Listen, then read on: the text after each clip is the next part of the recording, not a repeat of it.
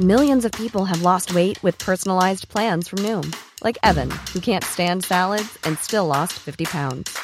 Salads, generally, for most people, are the easy button, right? For me, that wasn't an option. I never really was a salad guy. That's just not who I am. But Noom worked for me. Get your personalized plan today at Noom.com. Real Noom user compensated to provide their story. In four weeks, the typical Noom user can expect to lose one to two pounds per week. Individual results may vary. Hey there, it's Michelle Norris. I'm host of a podcast called Your Mama's Kitchen. When I travel, I'm usually looking for a way to find a taste of home when I'm not at home. And one of the things I love to do when I am at home is entertain. And Airbnb allows me to do that. When I was in California recently, I rented a house that had a great kitchen. And when we were sitting around the table, we we're all thinking, we're in someone else's house. Someone could be in all of our homes as well. If you have a home, but you're not always at home, you have an Airbnb. Your home might be worth more than you think. Find out how much at airbnb.com/slash host. This is Paige, the co-host of Giggly Squad, and I want to tell you about a company that I've been loving, Olive and June. Olive and June gives you everything that you need for a salon quality manicure in one box. And if you break it down, it really comes out to $2 a manicure, which is absolutely insane. It's also so easy to get salon worthy nails at home with Olive and June. The difference between how your nails used to look when you did them yourself and now with the Manny system is a complete game changer. The best thing about Olive and June too is it's a quick dry, dries in about one minute, lasts for five days, and full coverage in up to one to two coats. Visit oliveandjune.com slash perfect Manny 20 for 20% off your first system. That's oliveandjune.com slash perfect Manny 20 for 20% off your first system. Tuttosvenskan presenteras av Unibet, stolt huvudsponsor till Allsvenskan och Superettan.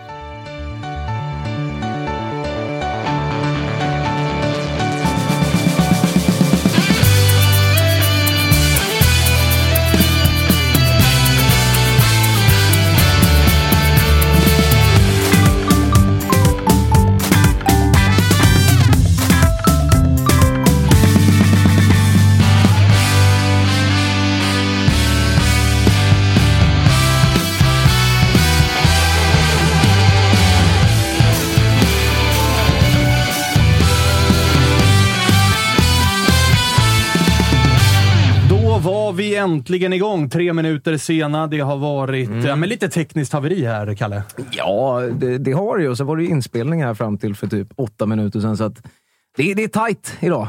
Det är så. Vi har bara en studio. Toto Balutto, våra kära vänner, har varit här och kört eh, maratoninspelningar. Så det har eh, varit lite, lite kämpigt, men till slut löste du det. Hur mår du annars? Ja, men eh, kanon! Kanon! Själv? Fint. Fint. Jag mår eh, jättebra. Jag är taggad på dagens avsnitt som kommer vara, innehålla en hel jävla del. För vi har eh, ja, men bland annat Bernevall tillbaka. Välkommen! Tack, tack. Hur mår du? Mycket bra, mycket bra. Det är ju så nu för tiden i Siriusvärlden. Det går Ja. vecka till vecka, vi byter varje vecka. Så nu känns det bra igen. Ja, men det känns som att så här, varje gång du har varit här hittills så har det varit så här, jo men det, vi ser ljus på framtiden. Allting känns bra. Det, det ser bra ut. Vi Visst. säljer Zeidan, men vi mår bra Vi ändå. vinner och förlorar, vinner och förlorar, så ligger vi nia typ. Det är perfekt. Helt, eh, helt, helt. Så jobbar vi. Ja. Perfekt. Eh, Robin Hals är med oss igen också. Ni har fått en ny tränare i IFK Norrköping. Hur, hur, vad gör det med dig? Eh, Man är lite osäker på, på vad det är för gubbe, men eh, det känns positivt. Tre poäng senast, så att, eh, än så länge är det positivt i alla fall. Så du mår också bra? Ja, det skulle jag faktiskt påstå. För första gången på länge. Hur mår eh, Jonas Dahlqvist då, som är med oss idag igen? Hy- Hyfsat. Tack för att du hörde av dig igår eftermiddag och frågade om jag kunde vara med. Bra planering. Ja, det, det är Toto-svenskan jobbar vi, vi... Alltså det finns ju ingenting jag älskar så mycket som volleymål.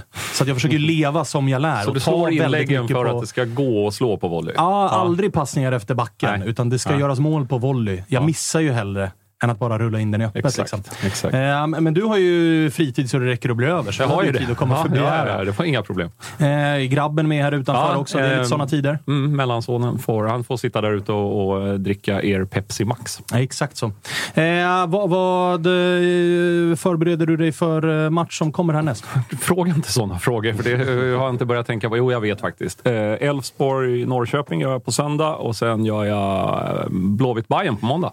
Härligt. Det är ju en jävligt rolig allsvensk tid just nu. För det känns som att så här, jag tycker min vän Jesper Hoffman beskrev det väldigt bra. Det är inte den viktigaste perioden på året, men det är ändå en sån här vägskälsperiod för alla lag. Att vilka lag ska egentligen göra upp om guldet? Vilka lag ska egentligen vara med i bottenstriden? Ingenting avgörs nu, men väldigt mycket får liksom, man ser vart lagen tar vägen här och nu. Håller du med? Ja, eh, för att nu har det blivit ett toppskikt som är ganska tydligt. Det har blivit ett bottengäng som också är väldigt tydligt. Eh, Så nu har det liksom utkristalliserat sig, men hur det går i de olika segmenten, det är, det är fortfarande ett mysterium och det är väl det som är det roliga också. Det hade varit tråkigt om det var någon som hade ryckt med 20 poäng. Liksom. Mm, så är det verkligen. Eh, vi ska prata lite om Sirius eh, och deras potentiellt nya spelare som kommer in och också matchen här mot Malmö senast. Vi ska prata lite grann om, om eh, Peking och saker som händer. Men vi ska väl börja med att prata om det som har hänt här senaste dygnen nere i Helsingborg. Nämligen att eh, van den Hurk har eh, gjort en Jehas. Jehas ursäkt han inte ens bli gammal innan Jehas, eh, eller innan van den Hurk gjorde, gjorde samma grej. Vad, vad, vad, vad känner Bernevall när, när du får höra när de här rapporterna kom, även ifall det inte är ditt lag. Liksom. Men det börjar ju liksom bli en trend här att i allsvenska spelare börjar, Fenomenet, allsvenska spelare börjar, liksom, de börjar spelvägra och sen snabba, snabba ursäkten på det. Ja, det är jävligt roligt i alla fall att det, blir, att det börjar bli trend i någon slags bisarr träningsvägran och spelvägran. Man vet ju inte vad fan den Hurk vill heller då. Vill han till Värnamo och liksom bidra? Nej, man undrar Alltså, så här, jävla har- dåligt läge i karriären. Så här. Jag går rätt dåligt i Helsingborg som är dåliga i år. Och nu vill jag inte spela här längre. Ja, Jehas kan man ju någonstans förstå, för att han har ju varit otroligt jävla bra Ja, och det besiktas på bordet. Vad kan van den Hurk ha på bordet efter den här våren? Nej, det är det man inte fattar. Dalkurd kanske behöver ja, striker eller något. Men, nej, men det känns ju helt... Det är ett ofattbart beteende. Och ursäkten är också kul. Den var väl genom agent också till att börja med i alla fall. Jag vet inte om det har kommit en till sen. Men nej, han, är, han har ångrat sig. Eh, Robin, eh, eran eh, storstjärna Jonathan Levi eh, var på hugget igår på sociala medier när jag eh, eh skickade någon tweet till honom. När han, Tapper agerade ju agent på något jävla märkligt vänster som blev en Sportbladet-nyhet. Och, och det började pratas om 20% i arvode och jag sa det är väldigt högt. Och då svarade ju Levi på det med att så här, hellre att min agent får 20 än att jag tvingas värma upp i omklädningsrummet. Det blev ju ganska, ganska viralt. Men- Roligt skrivet kan jag tycka. Ja, verkligen. Han är, ju, han är ju vass på det där, Jonathan Levi. Ja, det är han verkligen. Det är han verkligen. Jag antar att det är för hans efternamn han blev ihopkopplad där med israeliska. Eh, eller att han blev misstagen för att vara Israel. Det Just det, för det var inget sånt heller va? Nej, jag tror inte. Jag tror det är den här klassiska entourage-agenten som heter Levi någonting efter. Jag tror, tror det är något sånt. Nej, det, han heter Ari Gold, så nu är jag helt ute och cyklar. Men det är någon Israel som jag vet att Levi är något slags eh, vanligt efternamn, så jag tror det är därifrån det kom. Ehm, men ja, ja, Levi är ju svår, svår att ogilla. Han är, han är väldigt, väldigt härlig.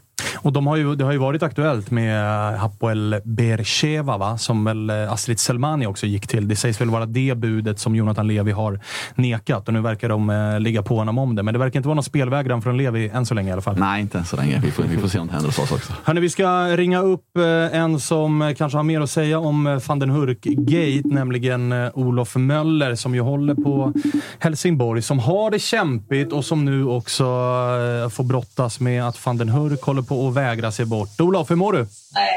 Eh, jo då. Eh, var på hissingen eh, och såg oss förlora med 5-0 och redan innan där så var det lite lösa rykten om det här med Anthony van den Hurk som ju bekräftades av Alvaro Santos på, på eh, presskonferensen efter. Så att eh, det var den fina dubbelkäftsmällen där med först 5-0 bakåt och sen så ja, van den Hurk som gjorde som han gjorde. Det var liksom en vänsterkrok som följdes upp med en ganska rejäl uppercut. Mm, exakt, och jag var ändå på ganska gott humör. Dels för att jag, vi hade en jävligt trevlig resa upp och det var en trevlig pubsamling innan och solen sken och jag har precis gått på semester. Vinsten mot Sundsvall i ryggen och sånt. Men sen så, ja, säg den lycka som varar för evigt så att säga. Men du, vi hade ju pratat om det här också, att eh, matchen mot Häcken var väl, med tanke på vad som kommer härnäst, så var det ju en match där liksom, vi var inne på att Helsingborg kanske borde, inte ställa in skorna, men ändå ställa in skorna. Eller du fattar vad jag menar? Samla energi, Ja, inte exakt, slösa exakt. på krafter. Exakt. Men när det blir 5-0 och när dessutom då anfallaren, som den här säsongen också har fått bära kaptensbinden, gör en Jehas och spelvägrar och håller på, då kanske det ändå känns brutalt jävla mycket tyngre än vad det borde göra, eller? Ja, exakt. Alltså jag, åkte inte, jag åkte inte upp till, till hissingen med några förväntningar om att vi skulle vinna. Jag vet ju, för det första har vi inte vunnit där sedan 94 tror jag. Eh, och sen Häcken i den formen som de är nu så tänkte jag inte att så här, wow, nu blir det nu bryts den trenden. Men eh, det var väl snarare liksom den totala genomklappningen i andra halvlek. Eh, som gör att, för att jag tycker att vi inleder det ganska bra och eh, står ändå upp ganska bra. Sen gör de ju 1-0 men första halvlek tycker jag liksom inte är på något sätt är en dålig prestation. Men sen är det ju andra halvlek som är Ja, det ges ju liksom, man ger ju upp helt och hållet. Eh, så att det är ju snarare det att det blir den här andra halvleken och 5-0 på resultattavlan som är... Det är inte de noll poängen som jag gräma mig sådär supermycket över för det var väl inte någon som, jag trodde väl inte på riktigt att vi skulle ha några poäng där uppe och hämta. Men nu kommer ju fyra rätt mycket viktigare matcher så att säga. Men hela Anthony van den Hurk-soppan har ju tagit över. Det är ju snarare den som skymmer hela mitt, mitt sinne så att säga. Jag tycker det är beteendet som före detta lagkapten och i den situationen som Helsingborg är nu så, eh, så kan han be om ursäkt hur många gånger han vill via olika agenter. Ja, eh, det är liksom det skeppet har seglat. Jag tycker bara det är skeppa honom nu. Men eh, det, är så du ser att man ska lösa det. För jag menar, så lät det ju också på eh, de Hammarbyare man pratade med när bomben briserade med Jahas. Att så här, okay, han har spelvägrat, han är avsänd av klubben. Då har vi pratat med Pöler och andra som har varit så här, jag vill aldrig mer se honom bära våran tröja. Sen kom det en ursäkt, han byts in och, och eh, nu har väl alla landat i att okej, okay, vi fick bua ut honom en gång. Han kommer aldrig bli någon ikon och legend, men kan han bidra till laget så får han väl göra det. Men det kommer inte vara någon, någon så här ömsesidig kärlek, men någonstans ändå en acceptans av att han har ett kontrakt, han får spela. Men du, du, du, du tror inte att så blir fallet här, eller? Nej, och sen det, det som skiljer också lite, det finns väl, jag tror också man har, det finns rätt mycket pengar att hämta i JAS tror jag. Eh, även om det skulle sjunka lite. Eh, Anthony van den Hoek sitter på ett utgående kontrakt eh, och enligt vad man har hört av Granqvist har han inget intresse av att förlänga Eh, och bråka sig bort nu då känns ju lite, liksom, jag tycker det är lite märkligt. Sen, ja, eh, sen är, tyck, gör det väl också lite extra ont att han har varit lagkapten och eh, var en stor del till att vi, han var ju, gjorde det bra 2020 och eh, förutom att han gjorde en bra säsong eh, målmässigt i Superettan så sköt han ju dessutom upp oss till stor del i den kvalmatchen mot Halmstad så det är väl också ett, ett svek som gör eh, lite extra ont med tanke på vad som, ja, eh, börjar ändå tycka han har eh, växt, växt, växt, ut till här under de här två senaste säsongerna. Sen tycker jag också det är väldigt märkligt liksom, om man jämför med situationen. Antonin van der har han gjort tre mål i år. Han har inte rosat marknaden. Eh, han är lite till åren och så försöker han bråka sig bort på det här sättet. Sen blir man ju lite så här, det är ju det där det är ju agentstallet som är samma som i jazz. Så att, ja, det är ju lite sådana många grejer som gör att man blir lite frustrerad. Jag, jag, eh, det, det enda som är ju sådär att försvinner han så måste vi ha in någon ju för att nu har vi ju Rasmus Wilhelmsen Paul Eh, fick inte jättemycket att jobba på mot Häcken men gjorde det bra mot Sundsvall. Men att sitta på honom och eh, all respekt för Amin Hamavi som är liksom vårt stjärnskott här. Så två anfallare på sitta där känns ju inte superlovande så att vi behöver få in någon mer då. Men eh, vad mig bekommer så får gärna Anthony van den Hurk sätta sig på bästa flyg från Helsingborg. Så att säga. Jonas, vad tänker du kring situationen som har blivit här? Att det är samma situation men att det är två olika, precis som Olof är inne på. Uh, och att jag har på något sätt mer förståelse för jazz-situationen, hur den kunde uppstå och väldigt lite förståelse för hur van den Hurk kan tänka att det här är ett bra sätt. Um, någonstans måste det ha med prestation att göra. Och sen vet man ju aldrig om det finns Alltså kontrakt är kontrakt, men sen finns det också massa handslag runt omkring man pratar och säger och det, det kan finnas sådana saker som liksom är uttalade mellan sportchef och spelare som faktiskt inte finns inne. Och det, då, då, brukar det bli en tolkningsfråga av vem var det som sa vad. Och ni sa ju faktiskt att om det här dyker upp så är det, okay det är väl så, så det har pratats om med Jahas framförallt. Att han, har man läst mellan raderna och viss information man har tillskansat sig säger ju att Jahas mer eller mindre har fått ett löfte om att kommer det liksom en stor klubb som vill ha mm. dig och lägger ett bud så vi kommer inte stå i vägen för dig. Nej. Och så nu så blir det ändå en fråga om en prislapp. Och där kan man ju, som du är inne på, jag kan också förstå att spelaren blir så här, hallå, ja. jag är 26 år. Det är sällan de här klubbarna kollar på allsvenskan på 26-åringar kan ni ge mig den här chansen? Mhm. Å andra sidan, det finns kontrakt och, och allt vad det är, så den är ju svårare. Men van den Hurk som har gjort tre kassar. Ja, nej, det, så det, han bör ju chilla lite. Och, och eh, Jag har ju hört om, om andra spelare i allsvenskan som är under kontrakt kanske får drömbud som är för dem personligen eh, enorma löner, men vill klubben inte släppa så vill klubben inte för du har ett kontrakt och det finns inte någon klausul och så vidare. Det är klart att man, om du sitter på 300 000 i månaden för att du är en duktig allsvensk spelare, riktigt duktig, och så kommer det någon klubb och erbjuder ett par miljoner i månaden eh, och så får du nej. Det är klart att det känns. Eh, för det kan vara din chans. Men vad ska du göra?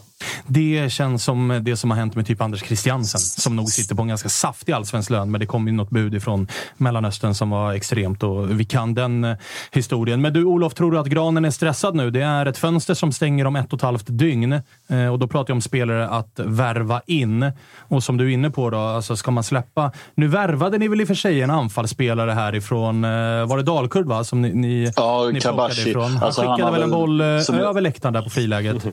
Ja, eh, tyvärr. Det hade ju annars varit en debut som heter duga. Eh, sen ska inte han lastas kanske för hela det här debaclet som var 0-5. Men jag tycker att det hela laget var rätt dåligt. Men eh, det jag, ja, nej, jag tror att eh, det här kom väl inte eh, som en superbra timing. Eh, och ska man eh, eh, ja, ska man tänka lite taktiskt så kanske det är det som ligger bakom också. Eh, liksom hela det första utspelet. Att man tänker väl taktiskt att man får stressa igång det lite så att det är med ett transferfönster som är på väg att stänga. För att det kan inte ha ändrats supermycket från liksom Ante van den Hurks synvinkel för de senaste två veckorna eller vad man ska säga. Eh, han har väl vetat liksom lite efter eh, Rasmus position, liksom, hur han bra han gjorde det mot Sundsvall att så här, det kanske inte blir en start för dig mot Häcken. Eh, så att de valde kanske ut till att göra det här till sista stund här nu. Eh, och sen så, ja, sen var det lite med järsituationen här. Det här var ju som någon form av snabbspolning av järsituationen för det tog ju mindre än 24 timmar innan man bad om ursäkt. Och den här om ursäkten var dålig så att be om ursäkt via agenten eh, är väl ändå stråt svagare eh, får man väl säga. Eller han stråt säger att vassare. han är väldigt ledsen. Man bara, alltså fejsa det. För fan, du är en vuxen människa kan jag tycka. Men, men ja, så att eh, jag tror att eh, Granqvist är stressad. Eh, men ja, Kabashi då, han kan ju klä So både anfallspositionen, men jag tror framförallt det, det lilla jag vet om hans tid i Dalkurd, han spelade framförallt vänsterytter tror jag. Eh, så han är väl egentligen tänkt som, tänkt som någon Dennis Olsson-ersättare om jag har förstått det rätt. Men, men det är klart, han kan ju klä anfallspositionen, men då har vi ju ingen som ersätter Dennis Olsson-position. Alltså det blir ju en, det blir en, liksom en dominoeffekt oavsett var vi sätter honom så att säga. Så då med andra ord då, tolkar det som att om van den Hurk ska lämna det här fönstret, han, har- han har väl tre veckor på sig att göra det, så måste Mm. det in någonting nytt på ett och ett halvt dygn som är mer av en central anfallare. Ja, så, så tänker jag också. Och därför jag bara hoppas att Grönqvist har jobbat med något form av spår. Men, men jag, vet inte hur, jag vet inte heller hur tagen man blev av den här situationen. Alltså hur snabbt det här briserade utåt. För att till en början så verkade det som att han lämnade träningen i all hast och Alvaro sa att så här, ni får se när truppen släpps hur Anthony van den Hurk har reagerat. Och sen var det som att så här, ja, det var inte riktigt därför han, han eh, lämnade. Men sen fick vi ju det bekräftat. Så att jag, ja, det gäller väl att jobba snabbt här för Andreas Granqvist att säga. Så när vi ringde honom och han var på backen och var lugn och fin så tror jag att det nog är lite mer stressat uppe på Olympia just nu. Det gissar jag också. Du, eh, till helgen så är det ju hyfsat viktig match mot eh, Sirius. Vi har ju Bernevall här eh, med oss. Vad, vad, vad är känslorna inför den? Alltså, det är ett Sirius som, har gjort, som jag tycker har gjort det bra senaste tiden framför allt. Eh, så det känns ju inte jätte, jätte eh, lugnt eh, i botten om det nu har känts någonsin den här säsongen. Det är väl mer liksom att, man, att det, är- det är hemmaplan och vi hoppas på en kraftsamling och att liksom man får tänka nu att Häckenmatchen är gone och så får man tänka att nu är det kommande fyra här som är väl eh, Häcken, eller förlåt, Sirius, eh, och eh, Sundsvall och Värnamo och Mjällby är väl kommande fyra. Eh, så att det är väl liksom, ja, om man tidigare har pratat om säsongsavgörande eh, liksom, perioder av säsongen så är väl det här eh, kanske den mest kritiska. Eh, alltså jag tycker Sirius har gjort det bra men, men jag ser inte det som en helt omöjlig prestation att vi skulle kunna vinna på hemmaplan. Skönt att kliva in i den här perioden då med, med lugn och ro i truppen och harmoni och, och allt sånt. Ja, och inga större förluster precis bara bakom. Nej, eller så. alltså, bara så känna det var att liksom bit- bitarna är på plats, Falsetas gick ju av eh, Häckenmatchen eh, med det här ljumskproblemet. Eh, det var ju lite det som vi var inne på när jag var med inne senast. Att så här, ska han verkligen åka upp och spela på det där konstgräset? Eller starta på det där konstgräset. Men det gjorde han och sen så gick han ut efter 35-36. Nu har jag inte sett av matchen men det skulle inte förvåna mig om det är lite där vi tappar så att säga. Det kanske är där korthuset börjar falla. Du Olof, jag har en sak att säga till dig innan vi lägger på. Det är kämpa. Mm.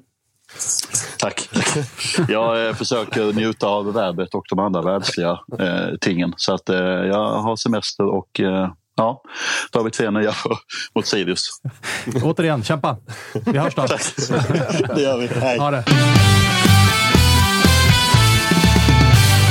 Eh, ja, det är en jävla situation de har satt sig i. Ja, det, det är väl ett ganska bra läge för Sirius att åka ner till eh, Olympia. Ja, det är väl perfekt egentligen. Det är klart man skulle kunna vrida och vända på det och säga att ja, nu, efter skandalen så liksom växer de på något sätt som fågeln Fenix ur askan där. Men det känns väl inte så. Liksom. Och vi har, spelar ju bra mot Malmö.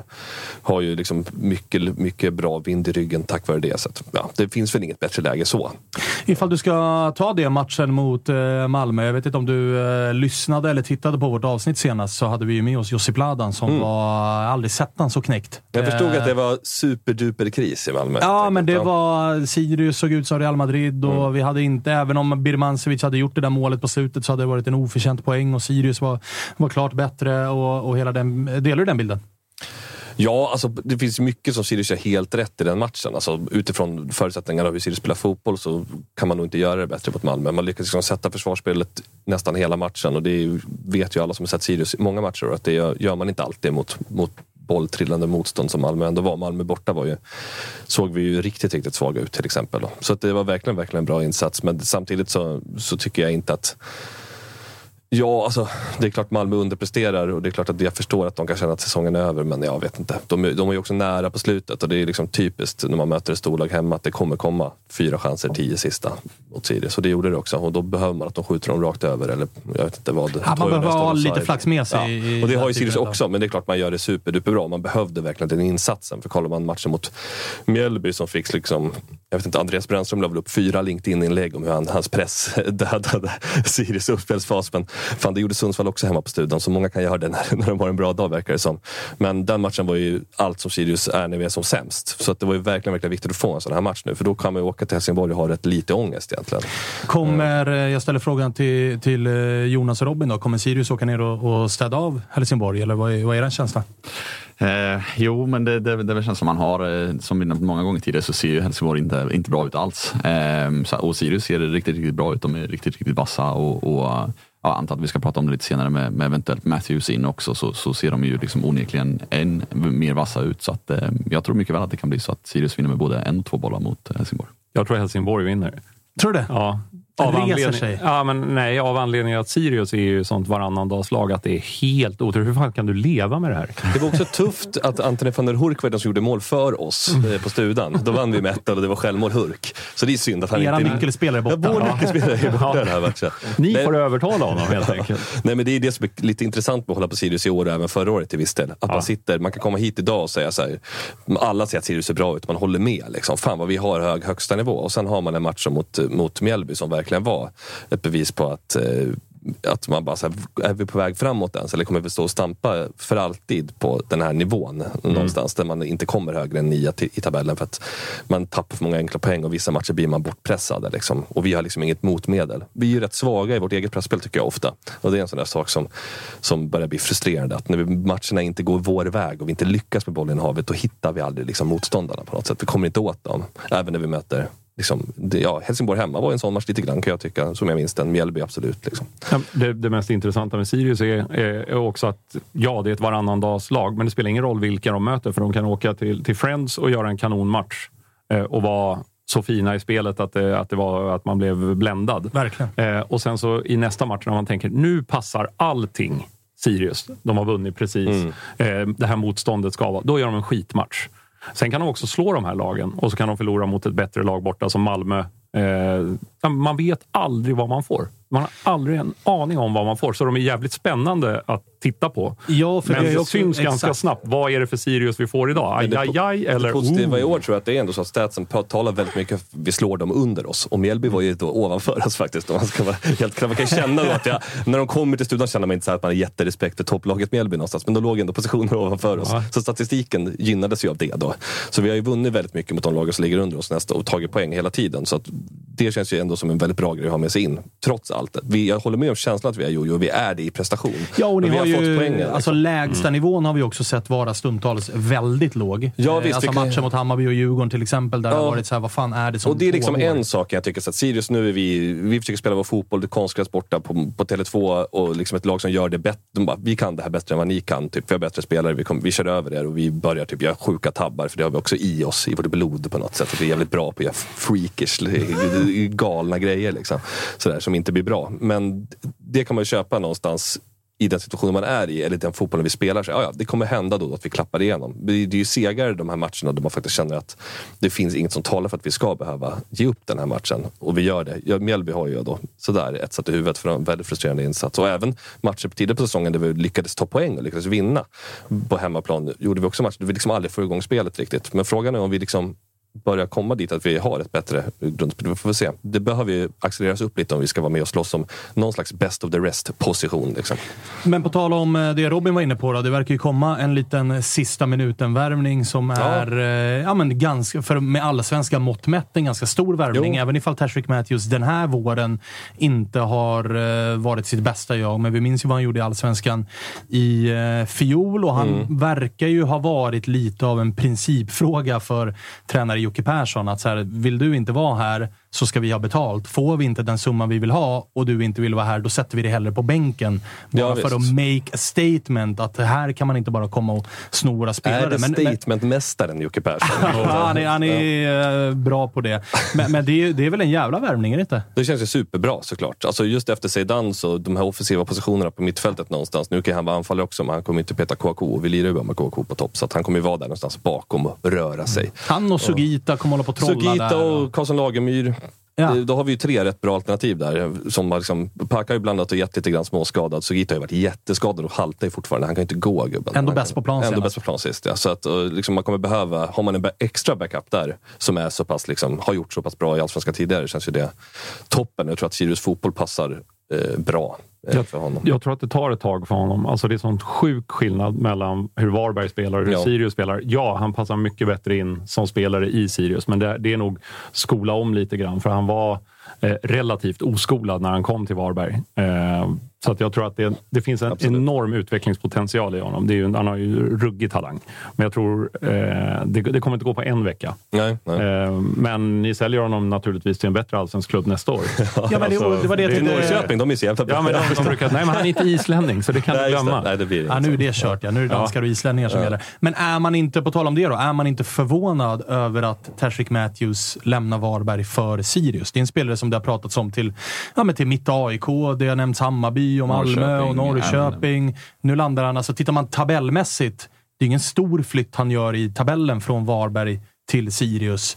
Eh, Man trodde att det, det fanns liksom bud från MLS här i vintras på 8 miljoner som det nekades och vad fan det har rapporterats. Att, att flytten går från Varberg till Sirius. Men tänk så här då, om du är spelare och verkligen försöker analysera hela allsvenskan. Var kan man gå, vilka, vilka klubbar kan man gå till, få en enorm utveckling och sen gå till en toppklubb?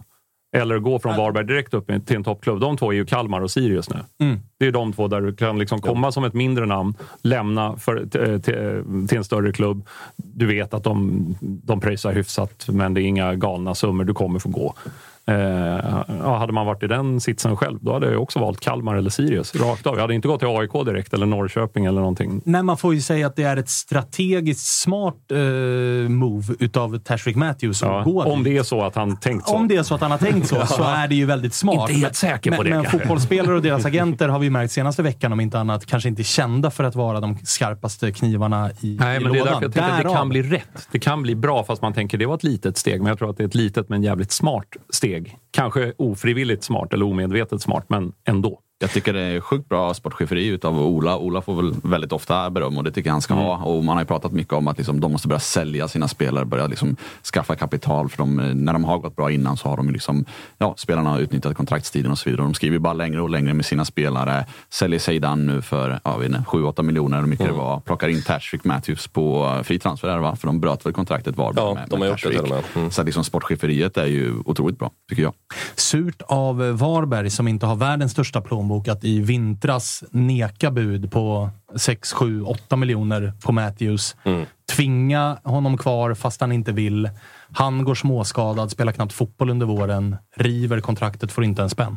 Mm. Och gjort sig av med sin egen sportchef och väl inte har någon riktig eh, sportchef tillsatt än dessutom. Nej, så det där statementet som Jocke Persson ville göra, det mynnade inte ut i något... Ja, det gav inte cash. Nej, det gjorde det sanner, sannerligen inte. Men hörni, på tal om eh, det här med... eh, För, för nu är det ju inte... Vi pratar om att du sitter på samma plats som du gjorde när du var här senast, Jonas. Ja. En gång är ingen gång, två gånger är en tradition. Ja. På en vecka har vi fått se Jehas eh, spelvägra, bli avstängd utav klubben, be om ursäkt.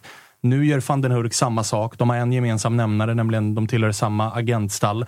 Borde inte svensk fotboll... Alltså, borde man inte göra någonting åt det här? För det kan ju inte fortsätta åt det här hållet att spelare är så här. Jaha, nu kommer ett bud. Jag vill inte vara kvar. Jag har två år kvar på mitt kontrakt. Jag spelvägrar och så får jag gå. Ja, det är ju väl oklart vad som står i kontraktet. Om du spelvägrar så blir du väl av med lönen. Alltså, det kan ju inte vara svårare än så. Om du inte gör sig, och de vill Ja. ju inte riva kontraktet och säga eh, du kan dra åt helvete, vi river ditt kontrakt. Då säger de bra, för då tar jag min sign-on som jag får så blir jag ännu gladare. Eh, och de har gjort en investering och, och vill naturligtvis få ut någonting. Så det blir en sån här dubbelgisslan situation. Vilket då, spelarnas makt är ju ganska stor i det just då. Men vilket jävla liv det hade blivit om de eh, överhuvudtaget inte lät honom träna till exempel. Eller Tänk om man vänder på det då? Om, ja, precis. Om, om, du vänder eh, på om det. klubbarna säger att eh, ja, men vi signar Svanen nu på en jättehög lön och så tycker vi Svanen är riktigt, riktigt kass. Och så Mm. säger vi som klubb att vet du vad, vi ska inte betala lön till dig mer för att du är riktigt, Vi riktigt tycker kass. bara att du är för dålig. Exakt, Men och det blir borde exakt kanske, samma- alltså, samma ifall vi i det här fallet då hittar en gemensam nämnare i form av samma agentur. Vad skulle hända ifall svenska klubbar gick ihop och sa vi, vi samarbetar inte. Vi vill gärna ha dig som spelare, men, men men den här agenturen är vi lite rädda för, för att de, de börjar få ett rykte nu som är...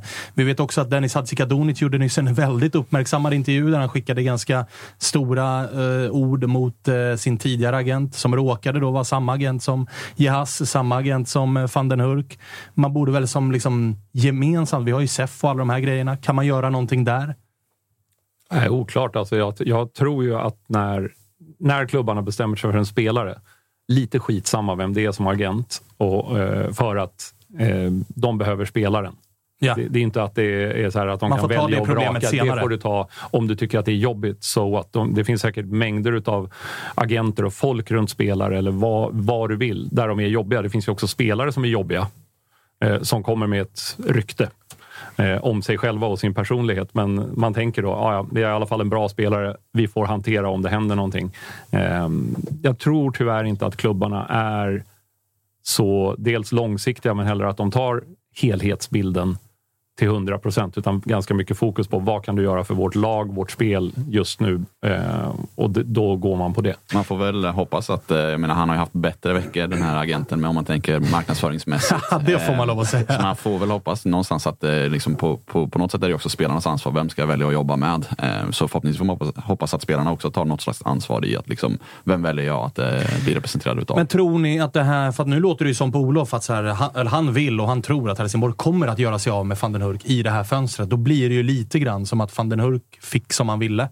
Eh, vi får väl se om det blir så för Jehas. Det är fortfarande tre veckor kvar på, på det europeiska fönstret. Alltså för Det svåra är ju att veta vad van den Hork ville också med tanke på att han bad om ursäkt för åtta timmar senare. Ja, men han, han märkte väl, han måste ju såklart, han är väl inte korkad. Han har ju sett vad som har hänt med Jehas. Han tolkar väl det som att nu vill bayern supportrarna ha bort honom. Och då Ja. kanske det kommer att bli en övergång till Ja, slut ändå. Ja, ja. Mm. Gör han bara samma grej här så kommer Helsingborgs supportrar vilja ha bort honom. Ja. Vilket kommer tvinga Granen till att, Men som det det verkar bli nu, han får ju lämna om någon månad.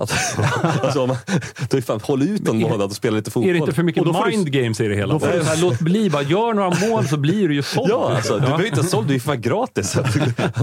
Framförallt så är ju van den Hurk väldigt korkad, för att går han som bossman får han ju en fetare sign-on. Så det är ju mer cash ifall han bara väntar ett par månader. Och det ligger väl inga bud, utan vägrar den ligger väl i att han blir petad va? Om jag inte är helt eh, snett på det. möjligt att det är så. Att han blev tjurig över Möjligt att det att var... det är så. Men, men tror, ni att, eh, tror ni att vi kommer se fler sådana här fall de kommande veckorna? Att spelare försöker med alla medel tvinga sig bort ifrån sina klubbar?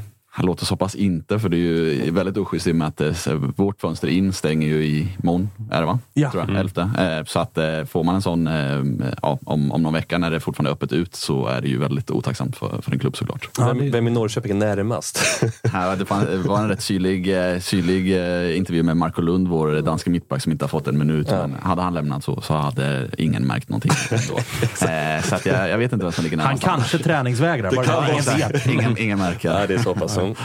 Ja, den, är, den är elak. Men du, eh, vi eh, byter fokus lite idag till Norrköping, för där händer det ju jävlar med grejer. Det har kommit in en Glenn, det har kommit in en, eh, eller det är väl inte officiellt än, men Traustason verkar ju vara eh, mer eller mindre klar då, i och med att Disco har eh, annonsat att det är klart. Ja. Så vad, vad, vad känner du med det som har hänt i Peking här senaste veckan? Ja, man har väl gjort lite forskning kring eh, vår kära Glenn då, eh, för att se lite vad det är, vad det är för typ man, man har Spretigt. med. Ja, väldigt, väldigt. Eh, hörde i någon, i någon podd att han var väldigt eh, engagerad på sidlinjen, så det ska bli kul att se live då om det är en helt levrad. Han, han är ju dansk, så det, det får man väl anta egentligen. Eh, men lyssna också på, eh, på Wernbloom som hade ringt eh, Emil Holm där, som hade honom i Sönderjyske. Eh, och Emil Holm var eld och lågor kring, kring Glenn och sa att det var en extremt bra tränare som spelar rolig fotboll och, och hela den biten. Så att man tar ju det man kan få i det här läget. Så att jag, jag väljer att se på det positivt. Eh, när de väl anställde honom så kände jag väl varken bu eller bä. Men det var ju för att jag inte visste någonting om honom och eh, det är väl egentligen helt ärligt eh, exakt samma just nu också. Han har ju, han har ju Twitter också väl? Mycket möjligt. Jag tror att han, att han, eh, att han körde både på eng, eller engelska och danska om att han hade- nu var klar för Norrköping. Jonas, du kör engelska med honom hoppas jag. Nej, det, han pratar Han utmärkt pratar svenska. Är det bra svenska. Ja, just det. Det Ja, läste det jag på någon han presskonferens. Ja, nej, han men det var, jag vet inte varför, men han kan i alla fall. Han verkar vara så pass språkbegåvad att han omedelbart kunde switcha till eh, svenska. Ja, men det, det uppskattas ju Det gör verkligen det av oss som verkligen. inte är från jag, eh, Skåne. jag tänker ju att han kan inte få, eh, alltså om du tittar på den nordiska, den nordiska tränarmarknaden. Eh, om man ska ha en meriterad tränare som varit i klubbar som faktiskt har testat på eh, att träna utomlands, som har varit i skänk eh, nu. Så många är de inte. Nej. nej. Eh, att, att bara ja, det är plocka. ju Stare och ett par till. Ja, ungefär så. Eh, så att det är väl ett, ett meriterat tränarförvärv det här, skulle jag säga. Mm. Eh, och i sådana fall bra jobbat. Och lite så här, bara, det, känns, jag vet, inte, det kändes korrekt. Eh, Men- men, eh, bli- om du jämför med några av de andra namnen så var det så här, ja men det här gillar jag. Jag gillade det på något sätt när, när, eh, när nyheten kom att det förmodligen kan bli Glenn. Det, jag gillar det också. Jag tror att det kan bli... Alltså det hade ju varit ett enkelt men också relativt trött val att bara ta Poja. För att du, behöver inte göra någon... Till och med vi vet att så här, okej, han har varit i England, han har varit i u landslaget Bara där är det så här, han har checkat i boxen, han har varit utomlands. Ja. Unga spelare, ja. u landslaget Spelar en modern fotboll, ja. Check. Och så Oj, vad trött du honom. lät när du sa det. Ja, men du vet. Det, är så här, det, det, det hade ju varit ett ganska trött och enkelt val. Här är det ju mer ett så här, man har gjort ett jobb på att verkligen få fram den här profilen. Det som skrämmer mig lite, och det som hade skrämt mig lite ifall jag var IFK Norrköping-supporter, är ju att han redan direkt börjar prata Koffe Olsson. Det är också så här, vänta nu, det, det är alltså en spelare som hela din kurva buar ut och inte vill ha med att göra för att de tycker att han är Judas. Och så i nästa andetag så börjar det nämnas Christian Eriksen som nyss signade för Manchester United. Då blir man ju så här, jag får ju liksom lite Magnus Persson-vibbar som direkt börjar med så här, vi ska spela som Liverpool. Men här, Lugn nu, kom in och börja jobba lite först. Börja inte prata om Christian Eriksen det första du gör. Nej, men jag läste, läste en längre intervju med honom och, och då, det gav en liten annan bild än vad han gjorde på presskonferensen kanske. Eh, det, var, det var med Makoto på, på Sportbladet där. Så att, eh, han känns ändå helt okej skulle jag säga. Ehm, och ehm, ja, men förhoppningsvis så, så ger han några av våra yngre chansen. Jag gillar ju, som Tapper också nämnde faktiskt, Dino Salijovic i, i Norrköping. Jag har gillat honom väldigt, väldigt länge. Jag tycker inte han får alls mycket chanser överhuvudtaget. Och, ja, han Glenn är väl rätt känd för att ge unga chansen. Så, så det hoppas jag verkligen få se istället för en 36-årig eh, arg eh, islänning på inutfältet i Aris Gulason som springer runt och skriker. Det, det är inget illa ment om honom, men då ser jag hellre en, en liksom 19-årig Dino ifrån Norrköping med, med liksom någon slags framtidsvision. Men vad går först där då? Islänning eller ung eh, Norrköpingsson? Alltid islänning i Norrköping. Ja, det är ju det jag menar. Så att den platsen kan han ju inte ta. Det är snarare Ortmarks eller, eller någon annan som man, får, som man får sno. Men du, med eh, ett eh, och ett halvt dygn kvar på det svenska fönstret, tror du att det händer någonting mer än Traustason, eller är det liksom sista gubben in? Tyvärr inte. Jag tror det blir sista. Eh, och jag har tjatat många gånger här förr. Jag vill ha en mittback, jag vill ha en defensiv mittfältare. Men, Du har ju fått eh, Anton Eriksson. Ja, jag vill än en gång ha en mittback som kan försvara. Och det, det, Anton är duktig, jag tycker han är bra. Men Anton och Linus ihop är inte tillräckligt bra försvarsmässigt tycker jag. Och ut då? Vad händer med Levi? Ja, bra fråga. Jag tror han försvinner. Eh, om jag får gissa. Men jag tror inte det sker de närmsta två dagarna. Utan det kommer nog ske innan, innan det är slut. Jag, jag skulle inte bli förvånad eh, om, om han försvinner. Eh, och eh, jag tycker att han förtjänar det. Eh, så det hade inte gjort det jättemycket med mig. Även fast jag tycker om honom väldigt, väldigt mycket. Blir det Israel så hoppas man ju att Tapper får de där 20 procenten. Ja, ja, ja. Men det, alltså, då är det ju officiellt. Det har ju stått överallt. Ja. Så att, jag menar, då är det bara att... Och Tapper har ju redan hämtat hem det. Han har ju gått ut Ja, ja. med att jag är talesperson och jag sköter förhandlingarna med Israels ambassad och vi ska fixa Och pass. Levi skrev ju i princip under på det också. Officiellt. Ja, och jag menar, jag kliver det- väl in där som vittne. Jag var ju Ja, ja, med ja. i, i tråden på Ja. Twitter, så att jag, jag kan vittna om att det, om att det stämmer. Men... Eh, Jag ja, tycker det är intressant ändå se att eh, ja, Blåvitt, är eh, det, IFK Göteborg, eh, ändå hugger en av eh, våra relativt nya spelare, Eman Markovic. eh, Och det är väl ganska tydligt att det är Torbjörns, Stig eh, Torbjörnsens eh, värvning i, till Norrköping och som de nu plockar ifrån, eh, ifrån Norrköping. Då. Och Eman har ju helt ärligt varit ganska dålig hos oss. Eh, sen är han säkerligen en jättebra fotbollsspelare, men hos oss har det inte funkat alls.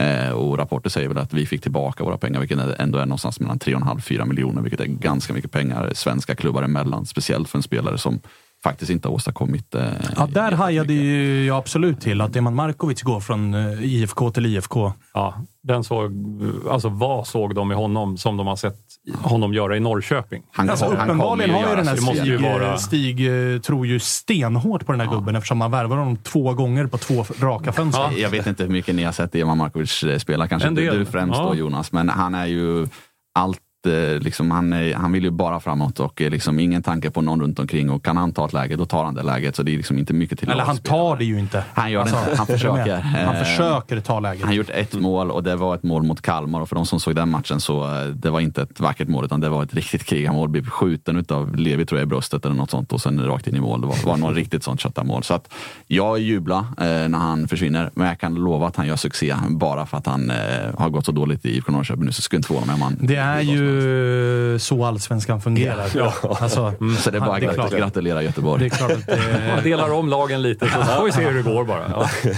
Herregud ja. Eh, vi ska ringa upp Jocke lite senare. Vi ska se ifall han är lika mycket eld och lågor över... eh, Eller om han, är, om han blev lika glad som du blev. Det, det är ju speciellt när en spelare går mellan två allsvenska klubbar och båda supporterskarorna är jätteglada. Ja, för, för Jocke, han, han älskar ju Stig så att han lär väl bara lita blint på Stig eftersom det är Stigs värvning. Då, så att, eh, han lär nog vara eld och låg. Det är ju det de har eh, börjat göra. Hörni, det var en del som var på mig i det förra avsnittet att vi pratade lite för eh, lite om eh, AIK. Många tyckte att jag eh, som programledare valde att rikta fokus väldigt mycket mot Malmö FF och att det gick dåligt för dem. Och, och ville sminka över det. Men det, tar jag mig ibland friheten att göra när jag leder programmet, Kalle. Det är väl inget fel med det? Nej, men det tycker, jag att, det tycker du får göra. Vi har eh, kul i chatten faktiskt idag. Eh, Bra. Nå- Någon säger att du känns Giffarna den här gången istället. Ja, för Okej, det, sedan. hellre det. Det var Ja. min tanke också. Kände ni också Giffarna? Ja, ja visst. Fick, vi gjorde ju vårt bästa program här för några veckor sedan. Alltså, det var sån energi här inne. Och så det sista som händer är att jag frågar Kalle. 15.29 sekunder innan vi ska avsluta frågar jag Kalle. Har chatten haft kul idag? Då sa han, ja det kom in en ny kille här som frågar... eh, Eller vad, vad var det han skrev? Han skrev, Svanen känns eh, djup. fan, eh, älskar Svanen ändå. Han känns, som, han känns så jävla diff. Och dagen förstörd? Ja, veckan. Månaden, året. Å andra sidan är man ju avundsjuk. Alltså, Djurgården just nu är ju vinnare. Mm. Det är 9-1-0. Och då kanske han menar att det känns som att Svanen är en vinnare. Jag försöker se, jag försöker se det positiva. i Plocka det. russin ur kakan. Men eh, hörni, vad, eh, för, för, för er som har ett utanför perspektiv då på, på AIK. Det har ju blivit som det är i AIK, antingen det ena eller det andra. Nu är det avgå Bartos för, för hela slanten på, på sina håll och kanter. Eh, trots att man är fyra poäng ifrån serieledning och trots att man har ändå en hyfsad chans att ta sig till ett playoff i, i, i ett gruppspel i Europa. Jonas, du som följer det liksom från, från eh, sidlinjen och, och ganska nära och sådär. Vad, vad, eh, vad gör det med dig att, det, att det, det, det som händer i AIK just nu händer? Att det, det är väl som vanligt, eller? Ja. ja, det är ju ingenting konstigt. Eh, för någon vecka sedan när AIK vann hemma i Europa, då var det plötsligt ganska bra. VM-guld var det då? Ja, ungefär. Eh, och sen så kommer den här 1-1 matchen och så blir det en torsk mot Kalmar, vilket man ju kunde räkna med. När det Ja. är eh, Europaspel. Alla de lagen som var ute i Europa, alltså Djurgården kryssade borta mot Värnamo, Malmö och AIK torskade sina matcher. Det kommer alltid någonting sånt. Nu kommer alla samtidigt. Inte ett dugg förvånande eh, att det blev så. Och eh, hur många hur många av lagen ovanför eh, AIK har de uppenbart mycket, mycket bättre spelartrupper än? Inga. Eh, Helt ärligt. Jag är jätteförvånad över att eh, snacket om Bartos går. Men om man säger då, det som är snacket då ifrån de som skriker avgå. Jag sitter inte i den båten, eh, utan jag är fortfarande lite så här passiv. Låt ta lite tid. eh, Men Wilbacher styr den, va?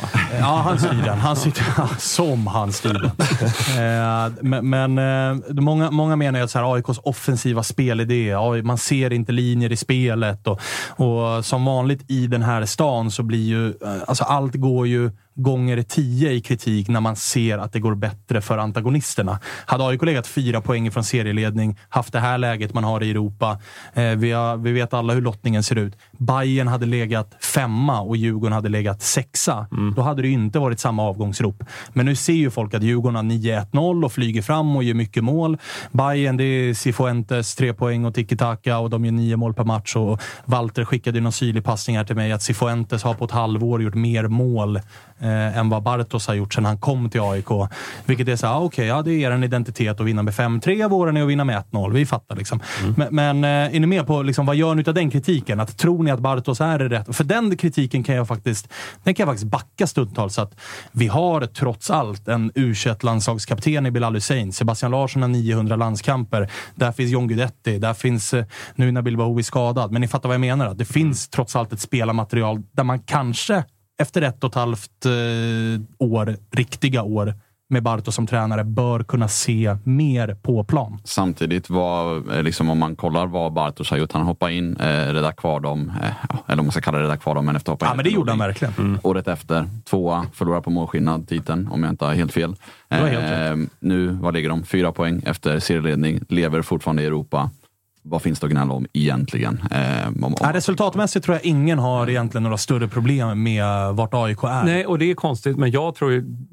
Det är så jävla skumt där. Ju längre man jobbar med det så kommer man till... eh, Så till slut kommer jag bara ner till att det är känslan kring ett lag som är det som avgör. IFK Göteborg var ju ett bedrövligt eh, ålderstiget lag. Stare slänger in Carneil och Bångsbo. Alla får en härlig känsla kring dem.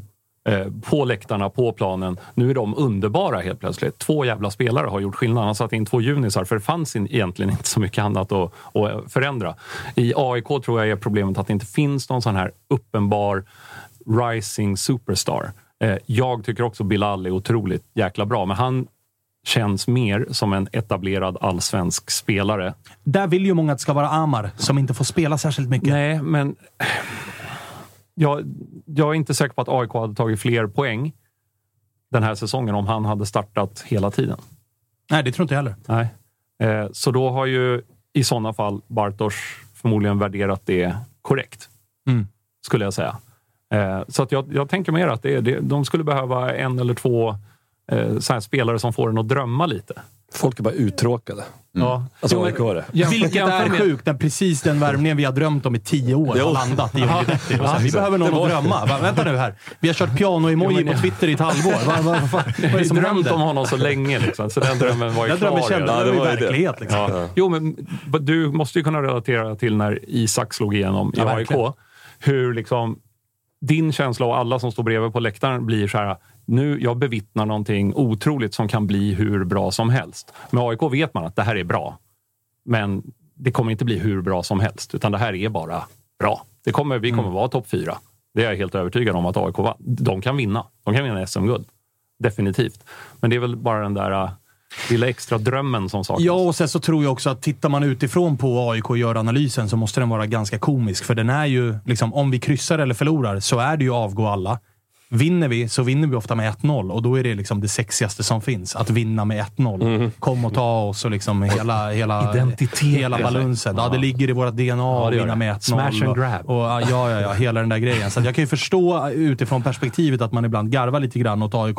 Men jag kan också faktiskt förstå lite grann utav kritiken. För jag kan faktiskt hålla med om att med det materialet som finns så borde man nog ändå kunna få ut lite mer på planen. För det är ett AIK som, alltså tittar man den här matchen mot nordmakedonska gänget Alltså det, det är ett riktigt dåligt lag AIK möter och man lägger sig på samma nivå som dem och är inte så mycket bättre. Och Det är ungefär den känslan man har av AIK, att de ofta lägger sig på motståndarnas nivå. Man har lite för stor respekt för sitt motstånd och, och, och hela den grejen. Och det, det leder ju till en frustration, att man känner att Mjällby hemma, hallå, ska inte vi låna bollen utav Mjällby på hemmaplan? Kalmar hemma var lite likadant Ja, också. lite första likadant där. Fast den, vin, den vinner ju AIK Där vinner man med slut, men 1-0 och då är det jajamensan. första- i första halvlek så gick 1-0 Kalmar va, bättre. kom och ta oss era Ja. jävla bönder. Ja, det är så här vi gör. Ja. Var man inte på väg att hitta något då mot eh, Porsla Voltava eh, med den här 352 nu, nu har det inte sett jättebra ut därefter, men där fanns det ändå någonting, eh, tycker jag, eh, som ändå, det händer något. Eh, Och det är, den, det är lite den analysen jag har haft utav AIK.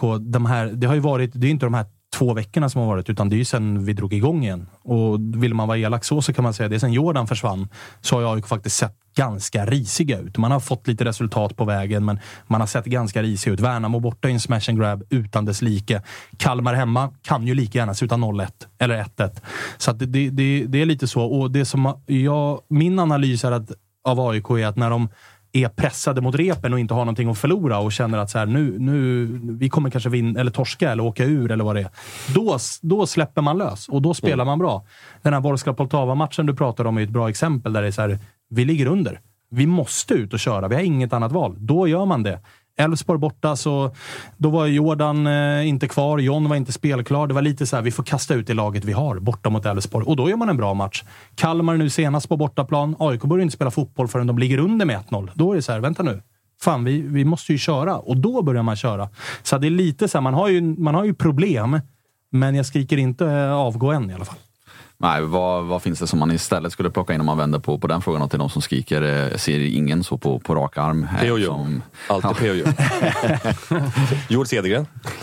Nej, men det pratas ju, det pratas ju ja. om, eh, i alla fall, det är ju ett eh, annat lag som är ett förväntat topplag som hackar, som nyss torskade på Studenternas mot, eh, all respekt till Sirius, men, men Malmö torskar den och, och har ingen tränare.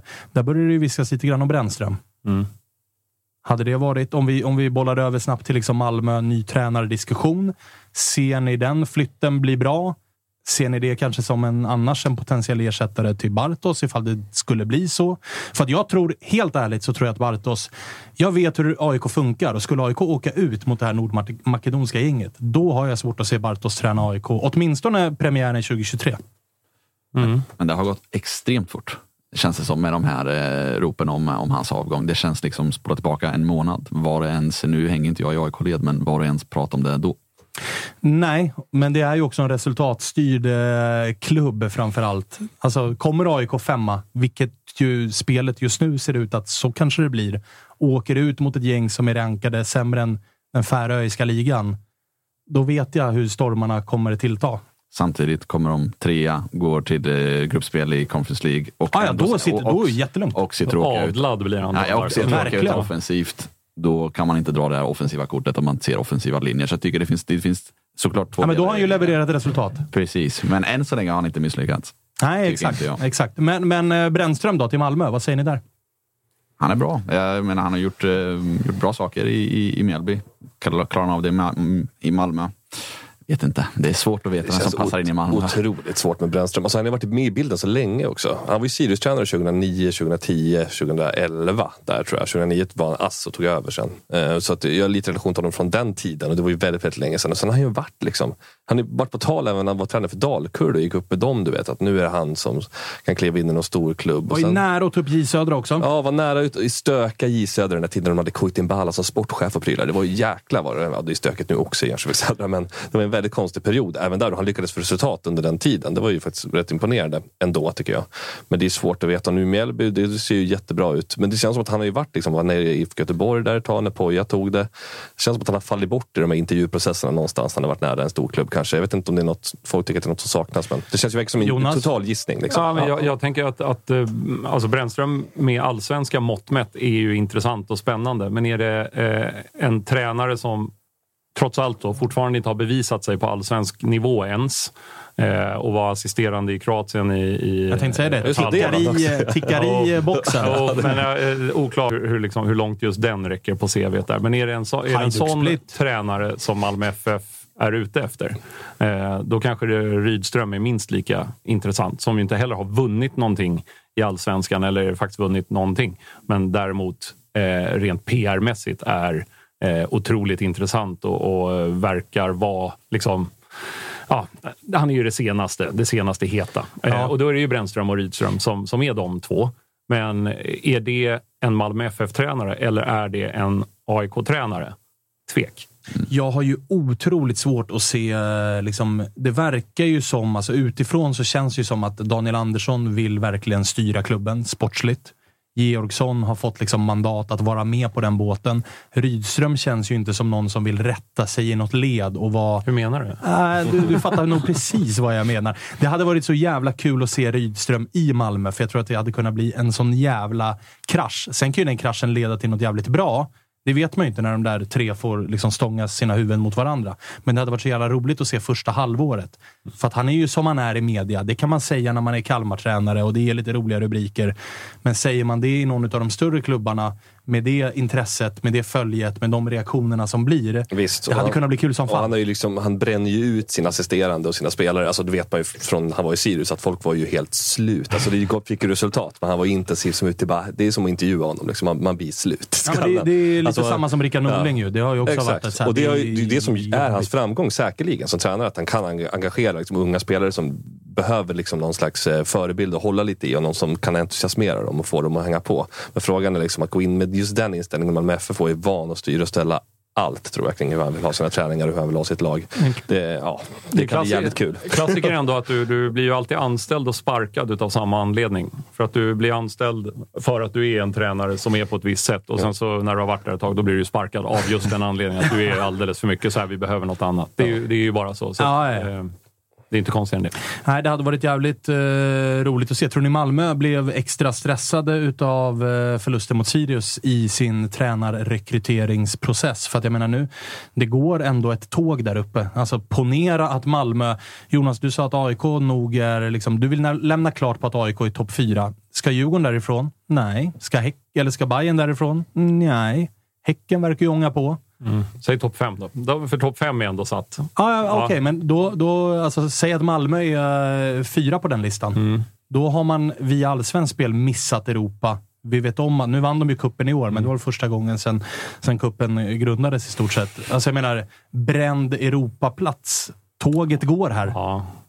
Nej, och då tror jag för att Malmö skulle ens nästan kunna acceptera en bränd Europaplats. De accepterar det givetvis inte eh, överhuvudtaget. Men då skulle det vara under ett omstartsår. Alltså när man redan anställt en superspännande eh, tränare som man säger du ska få fyra år på dig. Vi har, vi har byggt om hela truppen. Eh, så här, det här gör vi för att det ska vara bra om två år. Där är ju inte Malmös trupp nu. Inte på något sätt. Nej. Eh, så att eh, nej, det kommer de inte eh, godkänna. Det vi är väldigt stolta att presentera det här samarbetet, August. Det är ju tillsammans med Mindler och det är ju Sveriges största digitala psykologmottagning. Det är inga väntetider. Du träffar en psykolog vart du vill med din telefon. Ett besök kostar bara 100 kronor och frikort gäller då Mindler är en del av primärvården. Och varför är det så viktigt att prata just kring Mindler, Agge? Ja, men jag upplever och många, många med mig också att det finns ju det finns någonting eh, jobbigt att prata om de här sakerna och Mindler vill ju bryta stigmat som finns när det kommer till att prata om mental hälsa. Eh, inte minst bland män upplever jag det som att det kan, eh, ja, men det kan finnas en tröskel att, att faktiskt öppna upp vad man känner och hur man mår. Och därför tycker jag att det är väldigt glädjande att på senare tid så är det ju många idrottsmän och kvinnor, några i allsvenskan, som har öppnat upp och pratat om eh, sin psykiska hälsa på ett väldigt fint sätt, vilket jag tror eh, man kan vara med och bidra till att bryta det här stigmat. Verkligen, och du hade ju en liten intressant gäst i er podd för några veckor sedan. Det var AIK psykolog med. Lyfta ja, någonting exakt. kring det här. Ja, men det var intressant. Eh, Jon Hasselqvist heter han och eh, det var ett eh, väldigt intressant samtal där vi, där vi kom in på hur mycket det mentala spelar in i form av prestation, men också hur viktigt det är att man som människa ska må bra för att prestera. Och Det går ju att applicera såklart på fotbollsspelare, men också på sådana som du och jag, alltså vanliga människor i sin vardag. Att det är, eh, det är viktigt att lyfta upp det här till ytan och att eh, hantera det.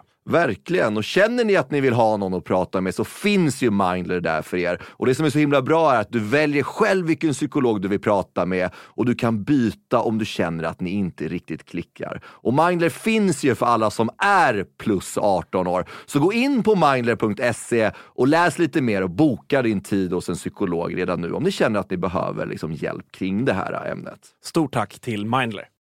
Vi är glada att Tuttosvenskan görs med våra vänner på HelloFresh. Och många där ute, inklusive oss, börjar kika på att använda mer växtbaserade och hållbara ingredienser när det kommer till just matlagning. Och nu har våra vänner på HelloFresh via sitt nya samarbete med Oatly nöjet att presentera massa nya rätter på veckomenyn med just Oatlys havrebaserade i-mat. Och varför i-mat, Dage? Ja, men det är väl kanske en fråga man ställer sig, men det är ju så att det är en ingrediens med 61 procent mindre eh, CO2-utsläpp och 83 procent mindre mättat fett än traditionell grädde. Så det är ett väldigt bra substitut. Ja, men och denna vecka så har vi kollat på HelloFresh hemsida och eh, botaniserat lite kring recepten som innehåller just i-mat. Och min tydliga, tydliga favorit är den soltorkad tomat rigatonin som ju har då lite soltorkade tomater, det är körsbärstomater, det är rucola, zucchini, riven ost, Ja, men ni hör, en väldig massa smaskiga grejer som blir en krämig pasta. Just att använda rigatonin, Freddy, som jag vet att du gillar också, som just suger upp all den här såsen. Mm, den är en favorit hos mig. Verkligen, och jag gick faktiskt händelserna i förväg och testade redan förra veckan deras medelhavsinspirerade räkgryta med just i-matsåsen och sen lite, lite, lite fint långkornigt ris. Eh, och Agge, vi har ju som vanligt en kanonkod också med våra vänner på HelloFresh. Den, den, den, den hoppas jag folk kan nu. Ja, det är ju Fresh Tutto. Du får upp till 1359 kronor i rabatt på dina fem första kassar om du inte har prövat HelloFresh ännu. Plus fri frakt på den första matkassen. Och det som är så bra, har du inte använt HelloFresh på över 12 månader så gäller koden även dig. Så gå in på hellofresh.se och lägg en beställning på en riktigt fin matkasse redan nu. Testa HelloFresh, testa Oatlys i-mat. Vi säger stort tack HelloFresh. Vi är sponsrade av eh, MQ, August. Eh, Mm. Det har varit, eh, vi har gått nu hela säsongerna. Först vinter och sen så förvår när man ska ha overshirts på sig. Man kanske vill ha en liten fleece. Och nu äntligen är försommaren här. Och då kommer också Dobbers nya sommarkollektion som de kallar för Sunset Horizon Club. Den här spången är inspirerad av surfen. Just det. Det, det, det är väldigt... så Om, Vad har du för relation till surfen? Ja, men stor relation. Varit i Brisbane eh, Ja, och eh, där är mycket vindsurfing. Sen så ner till Byron Bay där, där jag testade på vågsurfing. Och sen höll jag på att stryka med på, eller utanför Kota Beach då, när det kom en sju meters våg och tog mig. Ja. En minut och 30 sekunder senare så hittade jag upp till någon slags yta, skrapsår överallt. Den här kollektionen är då inspirerad av eh, surfen. Det kan man se i silhuetterna. Det är väldigt trendy att eh, gå i lite mer raka silhuetter nu för tiden. Du gillar den? Ja, men jag gillar den. Eh, jag tänker att vi kan prata lite om de olika nyckelplaggen som ju finns här. Det är ju eh, knälånga shorts till exempel. Skjortor med print och lite brodyr i lite olika färger som jag tror kommer vara ett eh, stående inslag på inte bara Stockholms gator utan Sveriges gator när sommaren kommer. Vi har också en hel del overshirts till de eh, lite ljumna sommarkvällarna. Sen så gillar jag en trend som har kommit som också hittar in i Dobbers eh, sommarkollektion här som är sets med både shorts och overshirts. Exakt. Kortärmad overshirts som man Mm. kan gå, gå runt i. Jag, jag gillar det.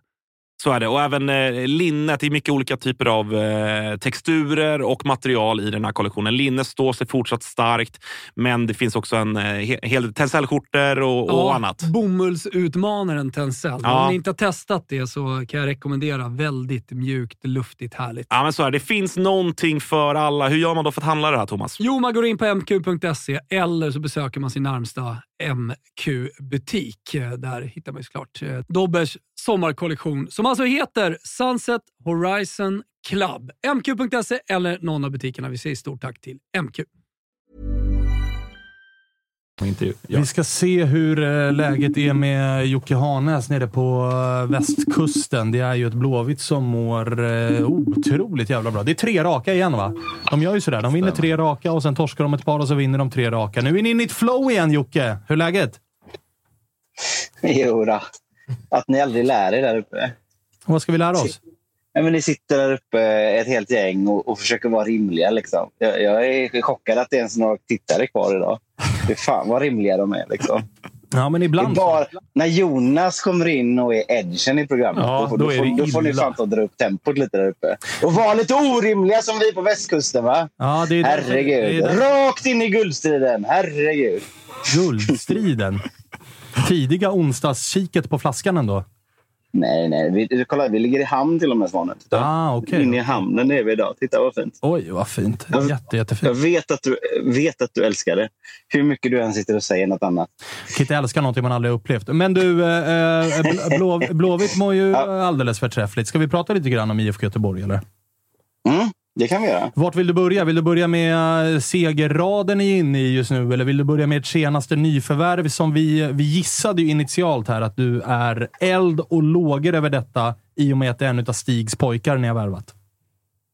Alltså, jag, jag kan väl säga så här, han kan få lite benefit of the doubt, Stig. nu Då. Om han nu plockar med sig den här killen från Norrköping också så måste han ju verkligen tro på honom. Och om vi tror på Stig så måste vi tro på den grejen också. Eh, så att det är väl säkert så att det finns något att hämta i honom. Men det är så här, samtidigt så det var inte så att jag, att jag ställde mig på, på flybridgen och gjorde någon sorts nakendans när jag såg att, att den eh, trillade in. Utan det var bara, jaha, ja okej. Eh, och den inställningen, eh, den försiktigt positiva inställningen till, till Markovic, den, den har jag fortfarande. Men det blir ju inte sämre av att Haaland var inne och, och, och kommenterade på hans Instagram, eller hur? Det gillar man ju. Ja, alltså, jag förstår ju att det känns stort för dig när världsstjärnor är inne och gör sådär. Vi är ju rätt vana i och med att vi har, vi har ju också, liksom, det är Alexander Isak och de här som är, som är vi fostrar ju egna sådana. Men, men, men eh, eh, skit i det. Vart, eh, vart, ser du att han ska, vart ser du att han ska in här då i laget? Uh, nej men det är väl, det är väl en, en breddning av yttrarna. Nu när Tobias Sana skriver på för Häcken idag så, så, uh, så eh, det är inte officiellt än, men det kommer bli. Eh, så, så, eh, så, så, kan vi stänga det kapitlet. Eh, Eftersom Hussein Karnei nu verkar gå in på innermittfälten så behövs det alternativ på ytterforwardspositionerna. Så, så det är väl en sån grej. Sen så, ja, man hade ju hellre sett någon som kändes tusen procent, procent, spe, eh, procent spets. Men... Eh, De pengarna mm, finns ju ja. inte riktigt. De kostar ju pengar de med. Hade du inte hellre velat ha någon spelare som du aldrig hört talas om än en spelare som... För att vi sa ju det, det är ett konstigt läge när... Jag ska inte säga att IFK Göteborg-supportrarna, du sa det själv, ni gör ingen nakendans på, på flybridgen, men ni är ändå positivt inställda. Och det är ju samma liksom, tongångar i Norrköpingslägret. De är ju glada över att bli av med honom. Vad tycker ni krävs för nakendans på flybridgen då? Ja, men Sam Larsson. Ja, det hade, men det, det, den, den dörren är stängd nu. Han har en alldeles för pissig eh, agent i brorsa. Så det vill vi inte vara med om. Men du, du Eh, fattar vad jag menar? Det är, konst, det är sällan man är med om att eh, två Mm. klubbar i samma serie jublar när de byter spelare med varandra. Men är det inte så att det är ingen i Göteborg som har ställt sig ur vågen? Och i Norrköping så gör man ju det nervösa jublet. Vi, det, här, det här sköna surt sa räven-jublet. Som, så, likadant som det var med Stig. Först var Stig liksom, nej honom får ni aldrig, sa Tapper till mig. Och sen bara, ja, ja, nej, men han var ändå inte bra. Det var, bara- han hade ju bara värvat de dåliga killarna. Och lite samma vibes får jag med den här, med den här nu. Att, att man är, ja, skönt att bli av med dem. Fast, fast nu gör han nog succé liksom. Så, Jävla Nej, stretch att jämföra Markovic med Stig. Jocke är bra på att stretcha. Jag säger att vi inte ska vara så rimliga. Nej, nej, nej. Du, orimliga, du, du tar den fanan och bär den med den äran. Det, det, det kan jag verkligen skriva under på. Du, eh, ni har ju haft ett, eh, ett, eh, ett fint eh, schema som ni har stä- städat av. Det, det, ni börjar agera som en storklubb igen när ni städar av den här typen av motstånd. Mm, eller fint schema, men det var dåliga lag, eller vad? Nej, men ett Peking i kris utan tränare och, och jag menar, Varberg är väl inget, det är väl inget topplag ni möter på, mm, där borta på Påskbergsvallen eller vad den heter. Nej, å andra sidan så innan den här matchen så hade vi en poäng på tre möten med Varberg, så det var väl ändå någon sorts eh, fotnedsättning. Ja, och det är det jag menar. Alltså, men absolut. Peking fan. gånger två, Och det är vet- 2-0, Det vet vi 2-0. Att, det, det, finns, det finns inga jättelätta matcher att städa av i Allsvenskan förutom GIF Sundsvall just nu. Så det, Och, även, eh, och det är det jag menar, att mot Giffarna hemma, det var väl den matchen som var precis innan uppehållet. Där satt det ju liksom ganska långt inne, medan nu Peking gånger två och eh, Varberg, det har ju varit en avstädning. Känner du att liksom Blåvitt har tagit ett steg till nu? Eller är det återigen så att det är tre raka vinster och sen så kommer det tre raka matcher utan seger och man ska hålla på så här som man, har, som man ju faktiskt har hållit på den här säsongen? Nej, men det känns väl som att vi har hittat den offensiva formeln nu. Den defensiva formeln den har väl funnits där hela tiden. Men eh, vi, vi har hittat eh, sättet att, att jobba på eh, framåt också. Och vi har hittat de, de spelarna som gör att vi kan äga boll lite mer, även när vi inte försöker ligga ligger på anfallet. Det, och det tror jag är jätteviktigt. Så att, mm, vi, vi, vi är försiktigt positiva. Försiktigt positiva. Du började med att skrika att ni var inne i guldstriden. Ja, men det är vi ju för fan. Vi, vi, alltså, häcken leder och de kan vi räkna bort för de kommer inte vinna någon guld. Och sen så är det väl fyra poäng upp bara eller någonting. Så att det, det är väl ingenting. Och vi har alla topplagen kvar förutom Djurgården på hemmaplan. Skriver du under på att Blåvitt är med i toppstriden? Eller, Ja, eller just nu, guldstriden? Just nu är de Ja, okej. okej. Inte sen. Ja, då, då är alltså alla lag som teoretiskt kan vinna guld är fortfarande Det är väl kvar i princip guldstriden. alla då? Ja, men Ja, precis. ja. Det är väl Giffarna vi räknar bort då. Ja, de är inte med. Inte Helsingborg heller. Nej, de är inte med i guldstriden. Nej, men det, 14. det, skulle ju vara, eh, det skulle ju vara en eh, sensation av bibliska proportioner om Blåvitt faktiskt skulle vara med och slåss om guldet på riktigt när vi är omgång 28-29. Däremot så kan väl alla konstatera att det börjar se ut som Micke Stare fotboll och jag vet inte om du hörde innan där, men att jag sa att de, Blåvitt har kunnat börja drömma lite igen. Eh, att det är härligt med Bångsbo, det är härligt med Carneil, att det är, liksom, det är positiva tongångar kring IFK Göteborg på ett sätt som det inte varit på ett tag. Bibliska format, är det syndafloden Ja, det är den jag eller? tänker på. Nej, sen går... Nej, alltså, Kör. nej, nej, men, nej, men helt ärligt så... så jag, jag känner väl lite så att hela anledningen till att vi så så här, är med i någon sorts guldstrid, eller vad man ska kalla det nu. Det är klart att vi saftar på lite här nu också. Men det är ju att alla andra lag är för dåliga. Alltså, det är ett Blåvitt som har varit utskällt långa, långa stunder av den här säsongen. För vi spelar så dåligt och vi är så kassa. Och ni sitter där och August säger ja, pittiga Blåvitt och de kommer tappa. Alltså, och så är vi en poäng för, eh, för, efter AIK och, och före Malmö i tabellen. Det, det, tänk, om vi får, tänk om vi börjar få ordning på det då. Vad, vad ska hända då? då? Om vi, inte, om vi börjar, börjar bli bra också. också liksom. Ja, då är det ju då är det Champions League. Ja, direkt in bara. Ja, ja, ja. Wild, wild, wildcardet. Nej, nej, men så att På tal om att ni har varit eh, lite utskällda och sådär. Det har, ju varit, det, det, det har inte varit några liksom stora avgångsropsrokader eller liksom rop mot eh, Micke Stare, men det har ju varit ändå, det har varit ändå eh, stunder under säsongen där det har varit ganska kritiskt. Hur, hur, är, hur är vindarna nu? Men de har väl inte varit jätteseriösa egentligen, de avgångs... Liksom. Jag vet det har ju varit ganska, ganska mycket trams, eh, får jag väl säga själv. Men nu är jag partisk. Men, eh, men eh, nej, man ser ju att de som har liksom varit på de tangenterna och spelat svänger ganska snabbt nu. Oj, det här trodde jag inte att han skulle få ihop. Men nu jävlar, nu är vi med på tåget. Och det, det är väl, det är, vad fan, det är väl supportrarnas jävla rättighet att känna så också. Man får tycka vad fan man vill. Vad, eh, på tal om supportrarna då, det, det kanske inte har varit så jätteseriöst runt eh, liksom kritiken mot Stare, men, men Sana Gate, to- man trodde ju att det var över. Men man får ändå säga att det tar en ny jävla vändning när han skriver på för Häcken. Du har ju, du har ju varit med oss under säsongen eh, hela tiden och pratat om att så här, nej, men det kommer nog bli... Liksom, han väljer något i Danmark eller något i den stilen. Att han väljer Häcken som är där uppe och som... Eh, visst, vi tror fortfarande inte att de vinner, men de är där uppe. De är klart före er i tabellen som det ser ut just nu. Det måste ju göra någonting med dig. Alltså det, gör, det det gör med mig, det är att jag tycker att det är ledsamt. Alltså det, det är ju liksom en, en annan sida av Jihas och, och Hurkmyntet, så att säga. När en kille som ändå står och påstår sig älska IFK Göteborg så mycket. Jag vill försöka hitta något någon annanstans. För jag har sån kärlek för klubben. Och bla, bla, bla, bla, bla, bla, bla.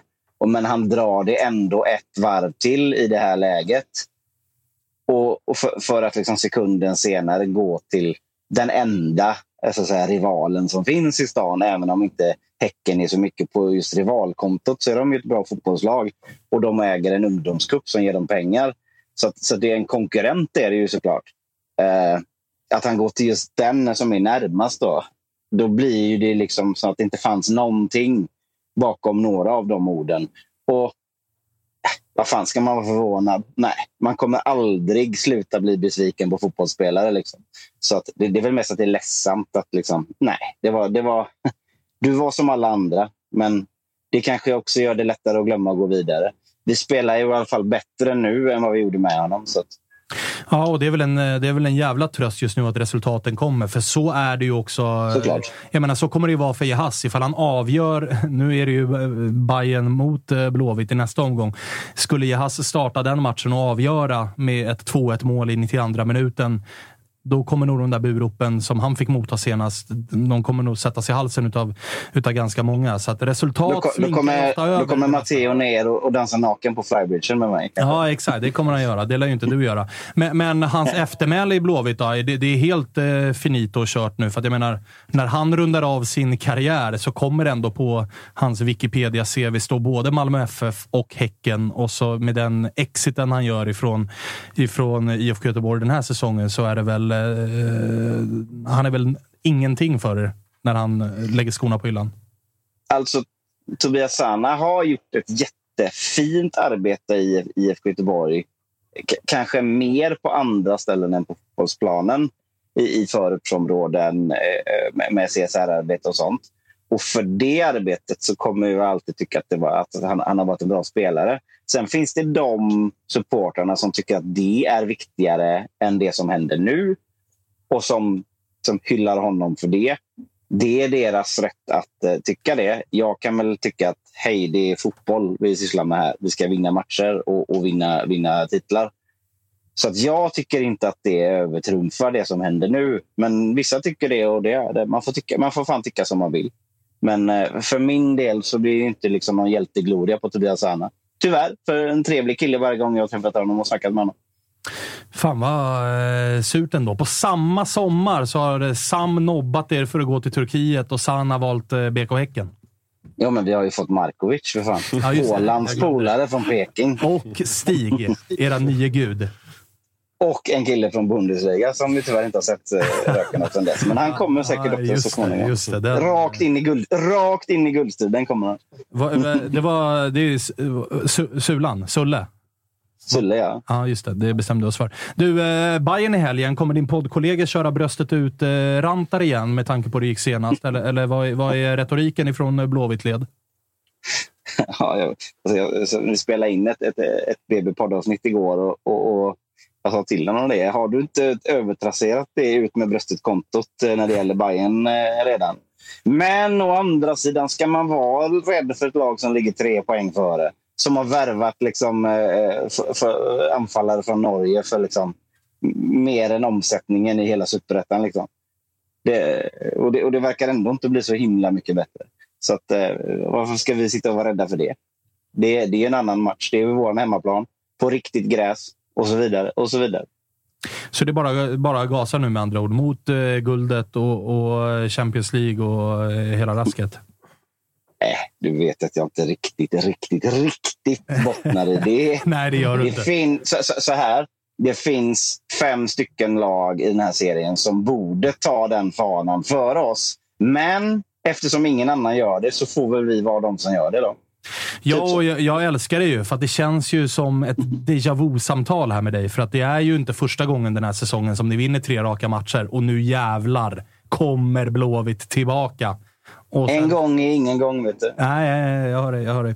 Eh, Du, eh, nästa vecka... Som med Bayern. Ja, verkligen så. Eh, Nästa vecka kommer du upp igen, va? Ja, vi satsar på det va? Fan vad fint. Jag har saknat dig.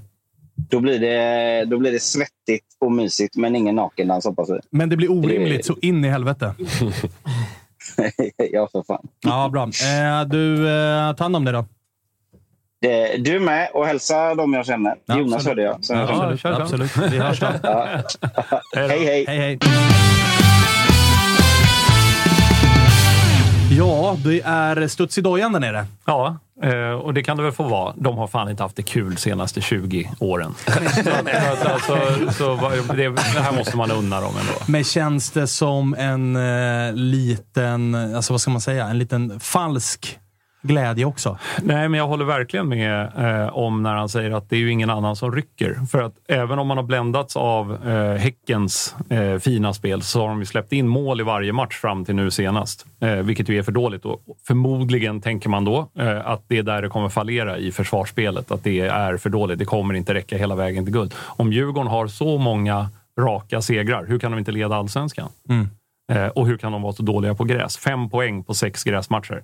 Ja, det är uselt. Det, det är uppenbart att det inte räcker. Mm. Ehm, och så vidare. AIK har vi förstås pratat om att det, det inte är fullständigt perfekt om man eh, säger så, eller det ser inte perfekt ut. Hammarby, jättebra när de är bra, men torskar ju saker här och där. Och lite samma Eh, gräsproblematik. Precis. Eh, De är ju ruggigt starka båda på Tele2. Eh, Mm. De ligger ett och två båda i eh, konstgräsligan. Ja. Eh, Och det är ju Tele2 som är Och det är eh, tragiskt att vi ens speciellt. har en konstgräsliga och en gräsliga i den här serien. Ja, men, det är en annan diskussion. Det är så det ser ut och det är bara att gilla läget. Men, men, ehm, så jag, jag håller med om att eh, det är bara att ta den här fanan. Och jo, det är svårt att ta den. Men någon skulle kunna, alla de här skulle kunna göra det om de bara liksom snäppade upp några procent. Till och med Malmö som nu har varit utskällda så länge. Höjer bara några procent så vinner ni fortfarande guldet. Och sen tycker jag faktiskt att det, jag tycker att du har en jävla poäng när du är inne på Bångsbo Carney. Att så här, sp- får man resultat med sig. För att jag menar, Carney låter ju nästan som att den där hemmamatchen mot Norrköping, det låter nästan som att det var hans debut. Det är det ju inte.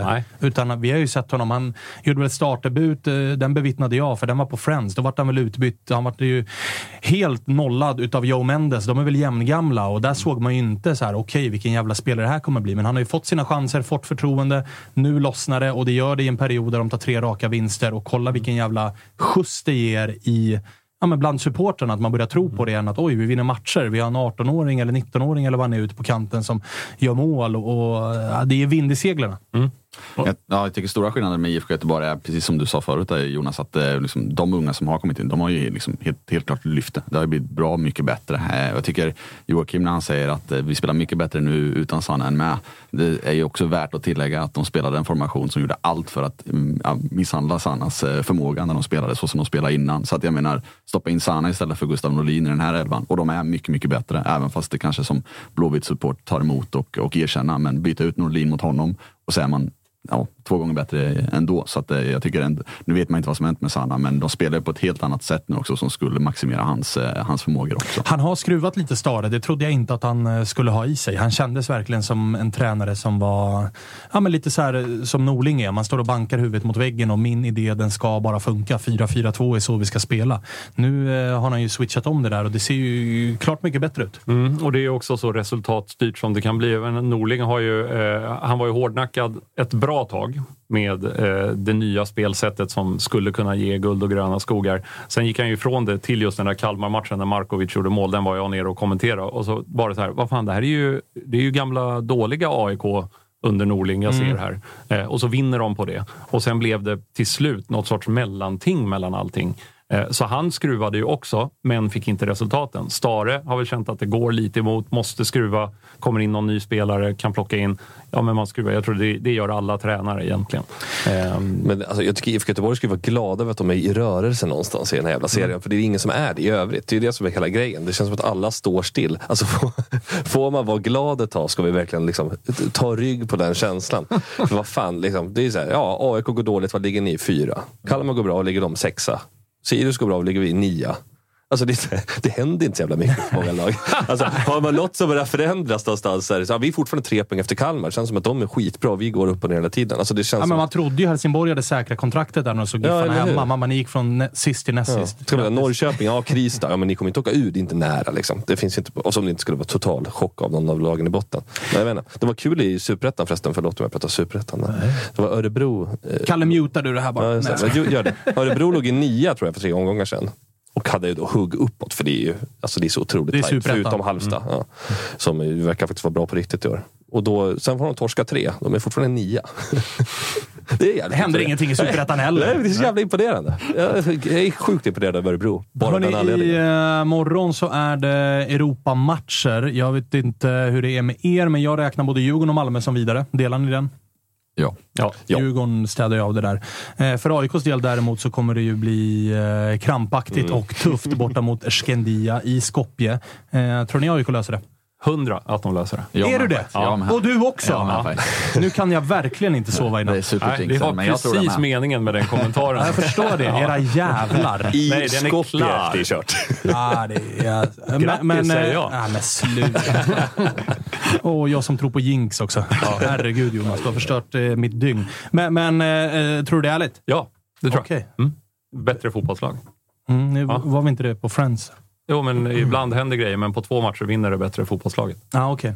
Ska jag tala om att eh, så tänker de även borta på Unibet, där AIK står i 2,25 jämfört med 3,15 Skopje-vinst. Det var nästan så vi hade tränat in den här innan, Kalle, men det har vi inte gjort. det var ju tajta. Högg du bra? Jag ska inte glömma att säga att man måste vara över 18 för att spela och eh, stödlinjen.se finns om man behöver gå in på det. Det eh, löste du bra. Eh, en lite svårare fråga då, för att här var det ju rakt igenom rungande ja. Eh, förutom Göteborg då, vilka är favoriter till att vinna guld?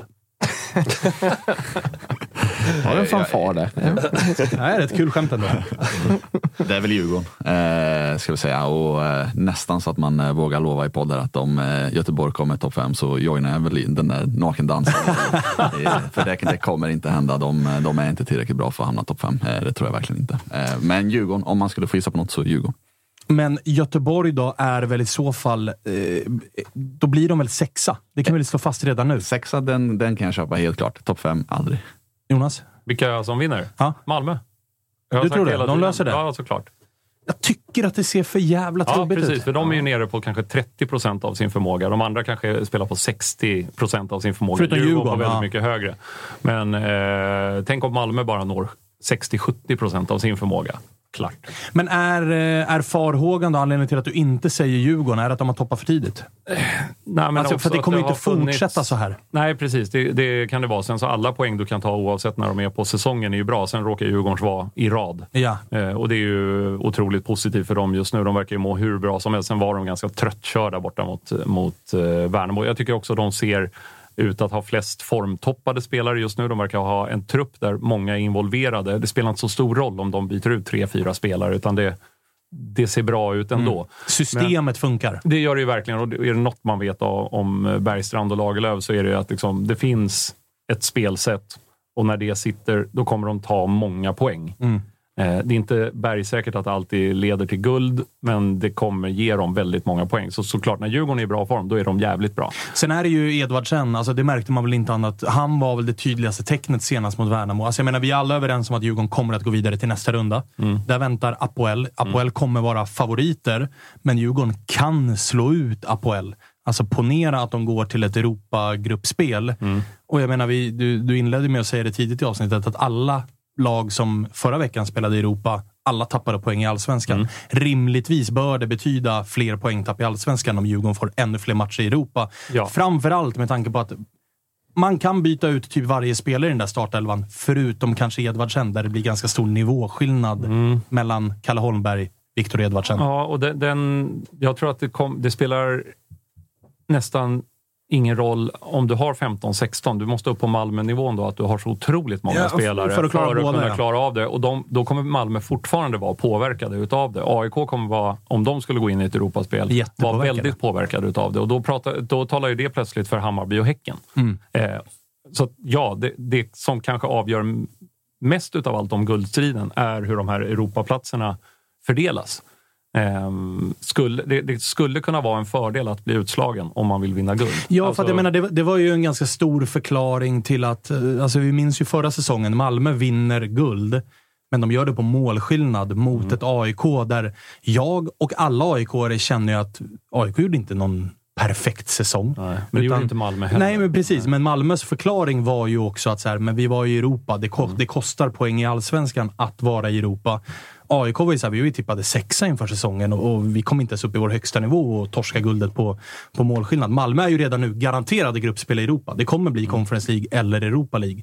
Rimligtvis kommer det fortsättas därför också att tappas poäng i allsvenskan. Och nu går man inte in i den här perioden och leder serien med sju poäng och har råd att tappa lite poäng. Utan man måste jaga. Så det är det som, tror, eller det, är det som gör att jag inte tror att Malmö vinner i år. Okej. Jag, jag tror att Men du blir... vet också att de tuggar ju igång. De tuggar igång när det blir lite Europakvällar. Det blir lite roligare. Då, Ja, det är ju då möjligt. de vaknar. Möjligt. För Malmö är inte riktigt som andra lag i, i allsvenskan på det sättet. Utan då, då, då kommer Jo Inge Berget springa lite snabbare och, och bli... I Europamatcherna, lite, ja, Nej, tror jag. Men, alltså, du, han håller det tempot då. Liksom. Christiansen kommer tycka det är lite roligare. Och så... Djurgården har ju adderat en till numerär också i Sabovic också. Ja. Så Ja, eh, det, det, spännande nyförvärv. Ja, det mittfältet är ju löjligt om man tänker på bredd också. Eh, om man bortser från de tre som startar så är det Sabovic, Banda. Banda, som är otroligt bra. Elias eh, Andersson. Elias Andersson, det, det finns mycket. Ehm, men om- man, om man pratar lite om gruppspel där, som jag och Jonas eh, konstaterar att AIK går vidare till, till nästa runda. Mm. Eh, om vi tänker Bartos överlevnad, om de tar sig till, slut, eller till gruppspel men slutar femma, vart står, vilken hörna står du i då? Förläng. Förläng. All right. Alltså de pengarna som det innebär med ett gruppspel i Europa. Och den liksom som supporter, bara den glädjen. Ifall jag, in, ifall jag liksom struntar i att tänka framtid för klubben och sådär. Alltså ett europeiskt gruppspel, det är fan det coolaste man kan vara med om som, som supporter. Och åka till, eh, fan vet jag, alltså Conference League är ju också underbart på så sätt att du får åka till, du behöver ju inte åka och vara turist. Nej. Du kan ju åka och faktiskt vinna matcher och tävla mot lag som du har rimlig chans att slå. Champions League är ju på så sätt jävligt tråkigt, för att man åker ju till Paris och vet att stannar det vid 4-0 har vi typ gjort en bragdinsats. Ja. Så det hade ju varit magiskt. Alltså omröstning här nu. För att jag hade hellre sett mitt lag spela i Conference League än Champions League. Samma här. Alltså, eh, känslomässigt för att åka till de roligare ställena. Ja, ja. Eh, faktiskt ha en chans att ta poäng och vinna. Eh, och att det blir ju mer, eh, vad ska man säga, det blir en roligare grej. Ja, men man är det är svinhäftigt att åka till Emirates och så här, men sitta man är ju turist. Och, ja, Man det, är det turist. inte fotboll. Och det, det är som, jag vet inte, det är, det är som att råka se någon svinsnygg skådis i verkligheten bara. Så här, jaha, ja det var ju roligt. Så, det, men man är Det är roligare där. att gå på en riktig dejt. Det är det du Exakt. säger. Än att råka hamna på samma café som någon superkänd... som Penelope Cruz. Ja, Titta, exakt. Ja. Svinsnygg, men där har man ingen chans. Då är det roligare att sitta Ja. där med, med någon som är 3 plus och bara, här finns det möjligheter. Tre plus, grattis. Tack så mycket. Tack så mycket. Du, du vill hellre till Champions League, eller? Nej, absolut i Conference League. Jag älskar Conference League. Det är det bästa som har hänt. Ja, jag, jag håller verkligen allt, med. allt jag vill ha är Skopje. Jag vill ha Skopje borta för helvete. Det är klart man vill ha det. Skopje Sirius, då, då är då är livet är- Ja visst. Okej, men vänta. Vi har eh, Djurgården här. Eh, ifrån eh, Robin. Vi har eh, Malmö såklart från, från Jonas. Fegt svar såklart. Eh, Bernevall med. Ja, Jag vill slå ett slag för det ångestfria och sorglösa BK Häcken ändå. Eh, de, det är ingen fara för dem på något sätt. De spelar jättebra fotboll, kan bara mysa. De mår ju bra där på Hisingen. Ingen har ångest, ingen tycker att det är jobbigt om de skulle tappa det där guldet. Det, det är bara, fortsätt håll glädjen högt där på Hisingen så tror jag att det kan bli guld faktiskt. Och Tobias Sanna får skjuta hem ett, eh, ett eh, SM-guld till Göteborg. Till. Möts väl typ omgång 29 också, eller 28? Ja, Ja, otroligt att Sanna avgör där. På Och Gamla Ullevi. och Till sin älskade guldläge. hemstad. Ja. Undrar om man firar då med hörnflagge. Det måste ju vara viftande va? Mm. Men alltså den perfekta säsongen just nu som AIK, alltså jag ska, vill, jag ska villigt erkänna att guldet känns ju kört redan som AIK, trots att det bara är fyra poäng. Men tänk om Häcken vinner och vi når gruppspel i Europa. Då är det ju perfekt. Jaha, du tänker så? Ja. Häcken är alla andras lag. Ja, alltså så är det ju. Det var ju som, det var ju som med all respekt Robin, men året Peking vann. så fort AIK inte hade chans, då satt man ju och jobbade Peking. Låt dem vinna bara. det- Hellre det än Malmö och Djurgården och allt vad fan Ja, det är kan helt vara. förståeligt. Det, det köper jag till, till 200 procent. Fan vad fint. Eh, har vi något mer att säga? Har det hänt några mer rubriker som vi kan plocka? Du hade den sista i Sabovic, men, men eh, Mm. där kan vi väl konstatera att det är en ganska smart värvning utav, utav eh, Djurgården. Det var, ju faktiskt, var, det, var det den enda svenska spelaren som fortsatte att spela i den ryska ligan efter att eh, kriget bröt ut? Ja, det stod väl Rysslandssvensken på Fotbollskanalen till och med, vilket var ett Mm. eh, tråkigt namn att få på sig kanske. Men det Ja, var väl så det det- var. det var får han väl var. också brösta? Ja, absolut. För det var, jag läste rubriken och tänkte, vem fan är det? Men det var ju han då såklart. Och det är väl eh, såklart frågor som eh, man skulle vilja ställa till Bessard. Ja, Så här, varför valde inte du att pausa ditt avtal och eh, dra hem till Sverige? Du Nej. fortsatte spela matcher. Det är intressant din, det där i många sporter. Många konstiga uttalanden. Vi brukar ju nämna Bagdad Bob i den här podden. Jaså? Ja, men det brukar ju nämnas. Ja, det är sant. Ja, tänker han är lite Bagdad Bob där. Bara, ja, fortsätter spela. Ja, kanske så. Inget hänt. Kanske så.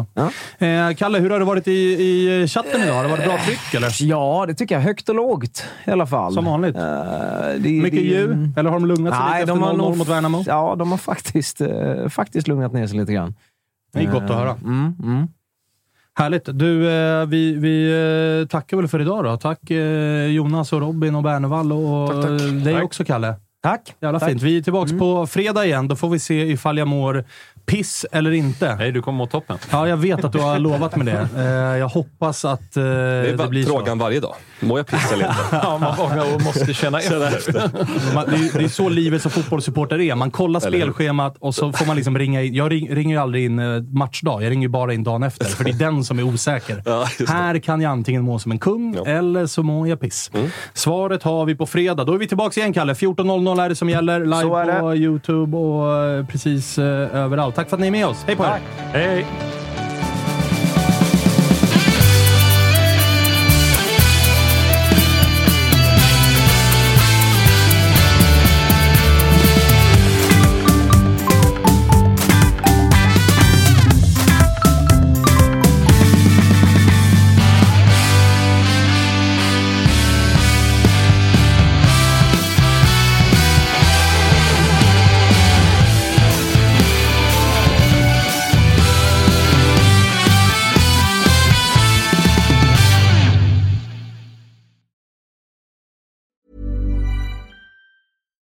Deserves the best, and there's no better place to shop for Mother's Day than Whole Foods Market. They're your destination for unbeatable savings, from premium gifts to show-stopping flowers and irresistible desserts. Start by saving 33% with Prime on all body care and candles. Then get a 15-stem bunch of tulips for just $9.99 each with Prime. Round out Mom's menu with festive rosé, irresistible berry chantilly cake, and more special treats. Come celebrate Mother's Day at Whole Foods Market.